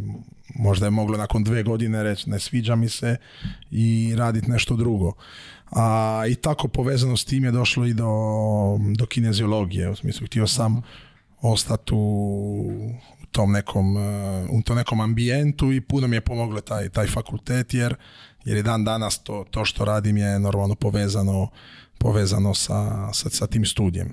Uh-huh, Pitao Aleksandar, kaže, da li je tačno da si, da, ovaj, kad treniraš žene, da često ne razumeš šta se dešava? Pa ne, šta se deša među njima ili... Da, i, pa da. Pa ne znam, desi se onako da imaju oni, imaju cure svoje neke onako odnose međusobno, ali ja uvijek onako pokušavam biti što, što jednostavniji, što direktan, jer to, to sam vidio da da uglavnom da to funkcionira u smislu da ne, ne sme se previše tu nešto mhm. izmišljati tako da onako pojednostaviti stvari je uvijek, uvijek najbolje. A tačno si izjavio da je ženski vaterpolo grublji od muškog? Pa da, da, u nekim situacijama je grublji, to mhm. sigurno. Pogotovo je, no, mislim, kupač je jednodjeni, tako da imaju više mogućnosti ovaj, ja mu reći se uhvatiti e, za zakupač i mhm. tako dalje, ali stvarno eto što sam primijetio, znam se desio u nekim situacijama da, da se ne znam dvije igračice onako nađu tokom utakmice i onda nekad bude onako nije jednostavno ih ovaj, kako ću reći napraviti u smislu da nastave razmišljati o utakmici, o igri, nego jednostavno ono, se desiti, ne znam, taj neki, da, neki sukob, smislu, e sad e, broj osam, e sad ta je moja. Smislu, dobro, imamo utakmicu igre, ne, ne, ne, prije mi je, ne znam, slučaj, ili slučaj, nama nije bitno, je mi je lupila, odgurnula se ili mi je počupala kupači i sad je to, to je to postane cilj te, te utakmice. Ono, čekaj, pa imamo, recimo, s muškima drugačije, ono, ne znam dođe šut, daš nešto, šut, ne, i, uh i završi u, tom napadu, nije ona sada ostaje tokom utakmice. Tako da su u tim situacijama nekim puno grublje, da, da, da mhm. stvarno. Ima pitanje, kakvi su nam ovi naši, i Boris i, i Lazić? pa oni su super, mislim, nekad neka se znamo i družiti e, onako izvan, e, kad vam malo meni isto, oni se, oni se vjerojatno druže i, mhm. češće, a kad meni malo prifali ove, ajmo reći, balkanskog stila, tako, da. Ali oni su, ono, stvarno, su, su super, e, i neću, ne pričamo igračima jer oni su odigrali i, i, i puno godina i, u Waterpolu su jako puno, tako da su vrhunski igrači, ali ali stvarno izvan vode, ono, baš je lijep odnos kog god, taj odnos e, se ono, održava e, trener, igrač, e, ali zna biti partner ono, situacija kad ne znam, odemo popit kavu, jako malo da se onako, opustimo izvan, izvan tog, ajmo reći, bazena i uh da. Smo zaokružili pitanja. Da, pa ne, ima, ima, još, ali ovo, ovaj, ne, ne znam, hoćete vi da razbijete. Mislim na video pitanja, da li imamo ne, nešto? Video, ne, ne, nije ne, stiglo to to. ovo treće. Dobro. Nije stiglo ovo treće video pitanje, da, ovo, ovaj, je očigledno da se spava malo duže danas. Pa dobro, sinoć Pa dobro, da, da, da, tako je, tako Do tebe nije, do njihovog stavanja. Pa dobro, da. dobro, do mene je, naravno. Da. E, hoćeš da malo da nam, ajde još, ono, ljudi vole malo to da, da čuju te, taj život u Italiji. Gde ti najviše ovaj, prije, ajde, Breša, Breša, Torino, pričao si malo o Siciliji, sad nešto kad, kad ti asocijacija, šta ti neka asocijacija za, ajde, za Torino i za Brešu? Ne Dobro, za je, Torino je predivan grad, baš je onako odlično organiziran i Torino je lijep jer eh, u smislu blizu je mora, blizu je planine, ko voli uh mhm. ići na skijanje, ko voli ići na more i dobro, Torino je bio mm, prvi glavni grad Italije mhm. i tako da je mislim baš je lijepo, ja sam tamo, imam lijepa panče, sam proveo, znači, taj e, fakultet i tu neku vrstu, taj, taj život e, sa izlascima, vaterpolo i tako da je u Torino je baš lijepo. Volim se vratiti u Torino kad go stignem, ostali prijatelji tamo i a Breša, to, to smo već pričali, s te strane je lijep grad, fali malo more, ali, ali na Sicilije stvarno bilo, bilo po tim nekim pitanjima najljepše. Sicilija je baš, e, potor pa je Mesina je na moru i sama Sicilija ima kulture, može se no, stvarno vidjeti puno stvari i uživati u, u stilu života. uh Ja bih se ponovo vratila na rijeku sa istim pitanjem. Sad ako odemo u rijeku, šta bi nam preporučio onako, ali da je lokalnog tipa, da možemo da osjetimo najviše ovaj, ono, onaj život rijeke i, i duh taj? Ma da, u Rijeci, ja mislim, pričam o Rijeci, sam rođen u Rijeci, tako meni je sve lijepo u Rijeci. Mhm. Sad, pogotovo, ja sam još više zavolio Rijeku kad sam otišao. Kad, da, kad bi se vraćao, ono, sve ti je nekako, jer kad si tamo živiš, neke stvari jednostavno ne... A rano si otiš. Da, da, dosta rano. Ono, Kada svaki bugat se vratimo, nekako mi je sve ljepše nešto mhm. i, i grad se isto mijenja, tokom, mhm. normalno, gradi se neke stvari, mijenja se, tako dalje, ali eto, gdje je meni stvarno gušto tići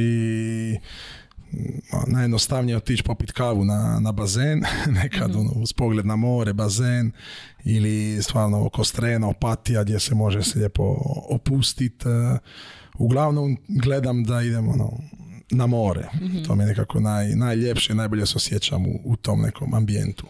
mm Dobro, sad imamo sve preporuke, sad mirni. Privodimo i ovaj razgovor kraju, pa da li ima nešto da te nismo pitali što bi ti voleo da, da istakneš? Pa ne za sad, moglo bi možda tu dosta pričat, ali... Da. Mm, ovako sad ne pada mi ništa baš na pamet. Ovaj. Pa ja sam teo ti pitam one koga bi izdvojio. Ne, ja znam da je to trenerima teško sada. Ti praviš neke ove korporacije tu, ove, korporacije u stvari, ko je bolji igrač, ko je lošiji, ali ima neko ko, ko na tebe ostaje ovako najjač utisak, nevezano to je za ekipu Breše.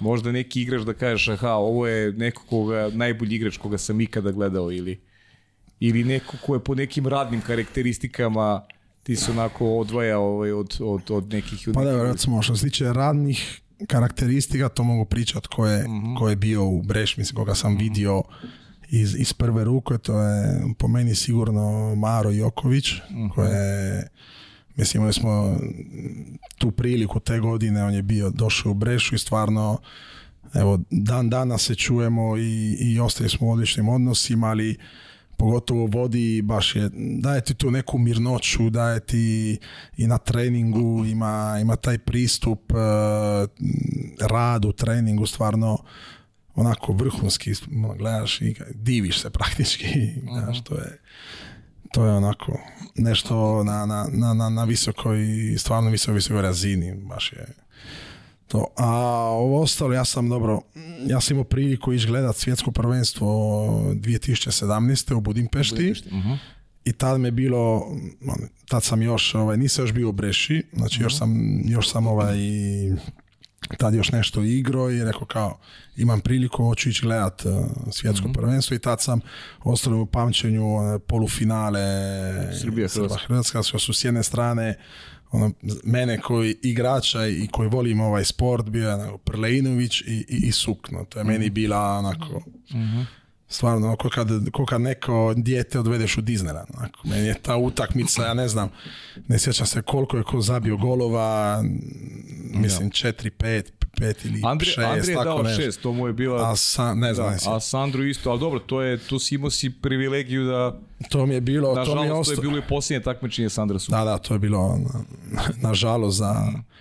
Ali stvarno je ta utakmica, nekako mi je mm, ta utakmica ostala baš ono, u, u sjećanju, vjerojatno jer ono, bio sam u, uživo u Budimpešti gledat eh, vrhunski vaterpolo, tako da, da, da, da, ono, Sandru koji igra, ja sam imao sam priliku jednom igrat protiv njega, Aha. to gotovo u, u jako mlad, taj, na tom juniorskom kupu, on je igrao u Dubrovniku, u Jugu, mi smo igrali taj, duše, finale protiv, protiv Juga, mogu reći da, da smo izgubili 7-5, ali, uh mhm. -huh. ali sjećam se da smo ovaj, da, da je on tad već bio, ono, pričalo se Vidjelo se. Da, da, da, vidio se. I onda, dobro, ostalo sve se zna.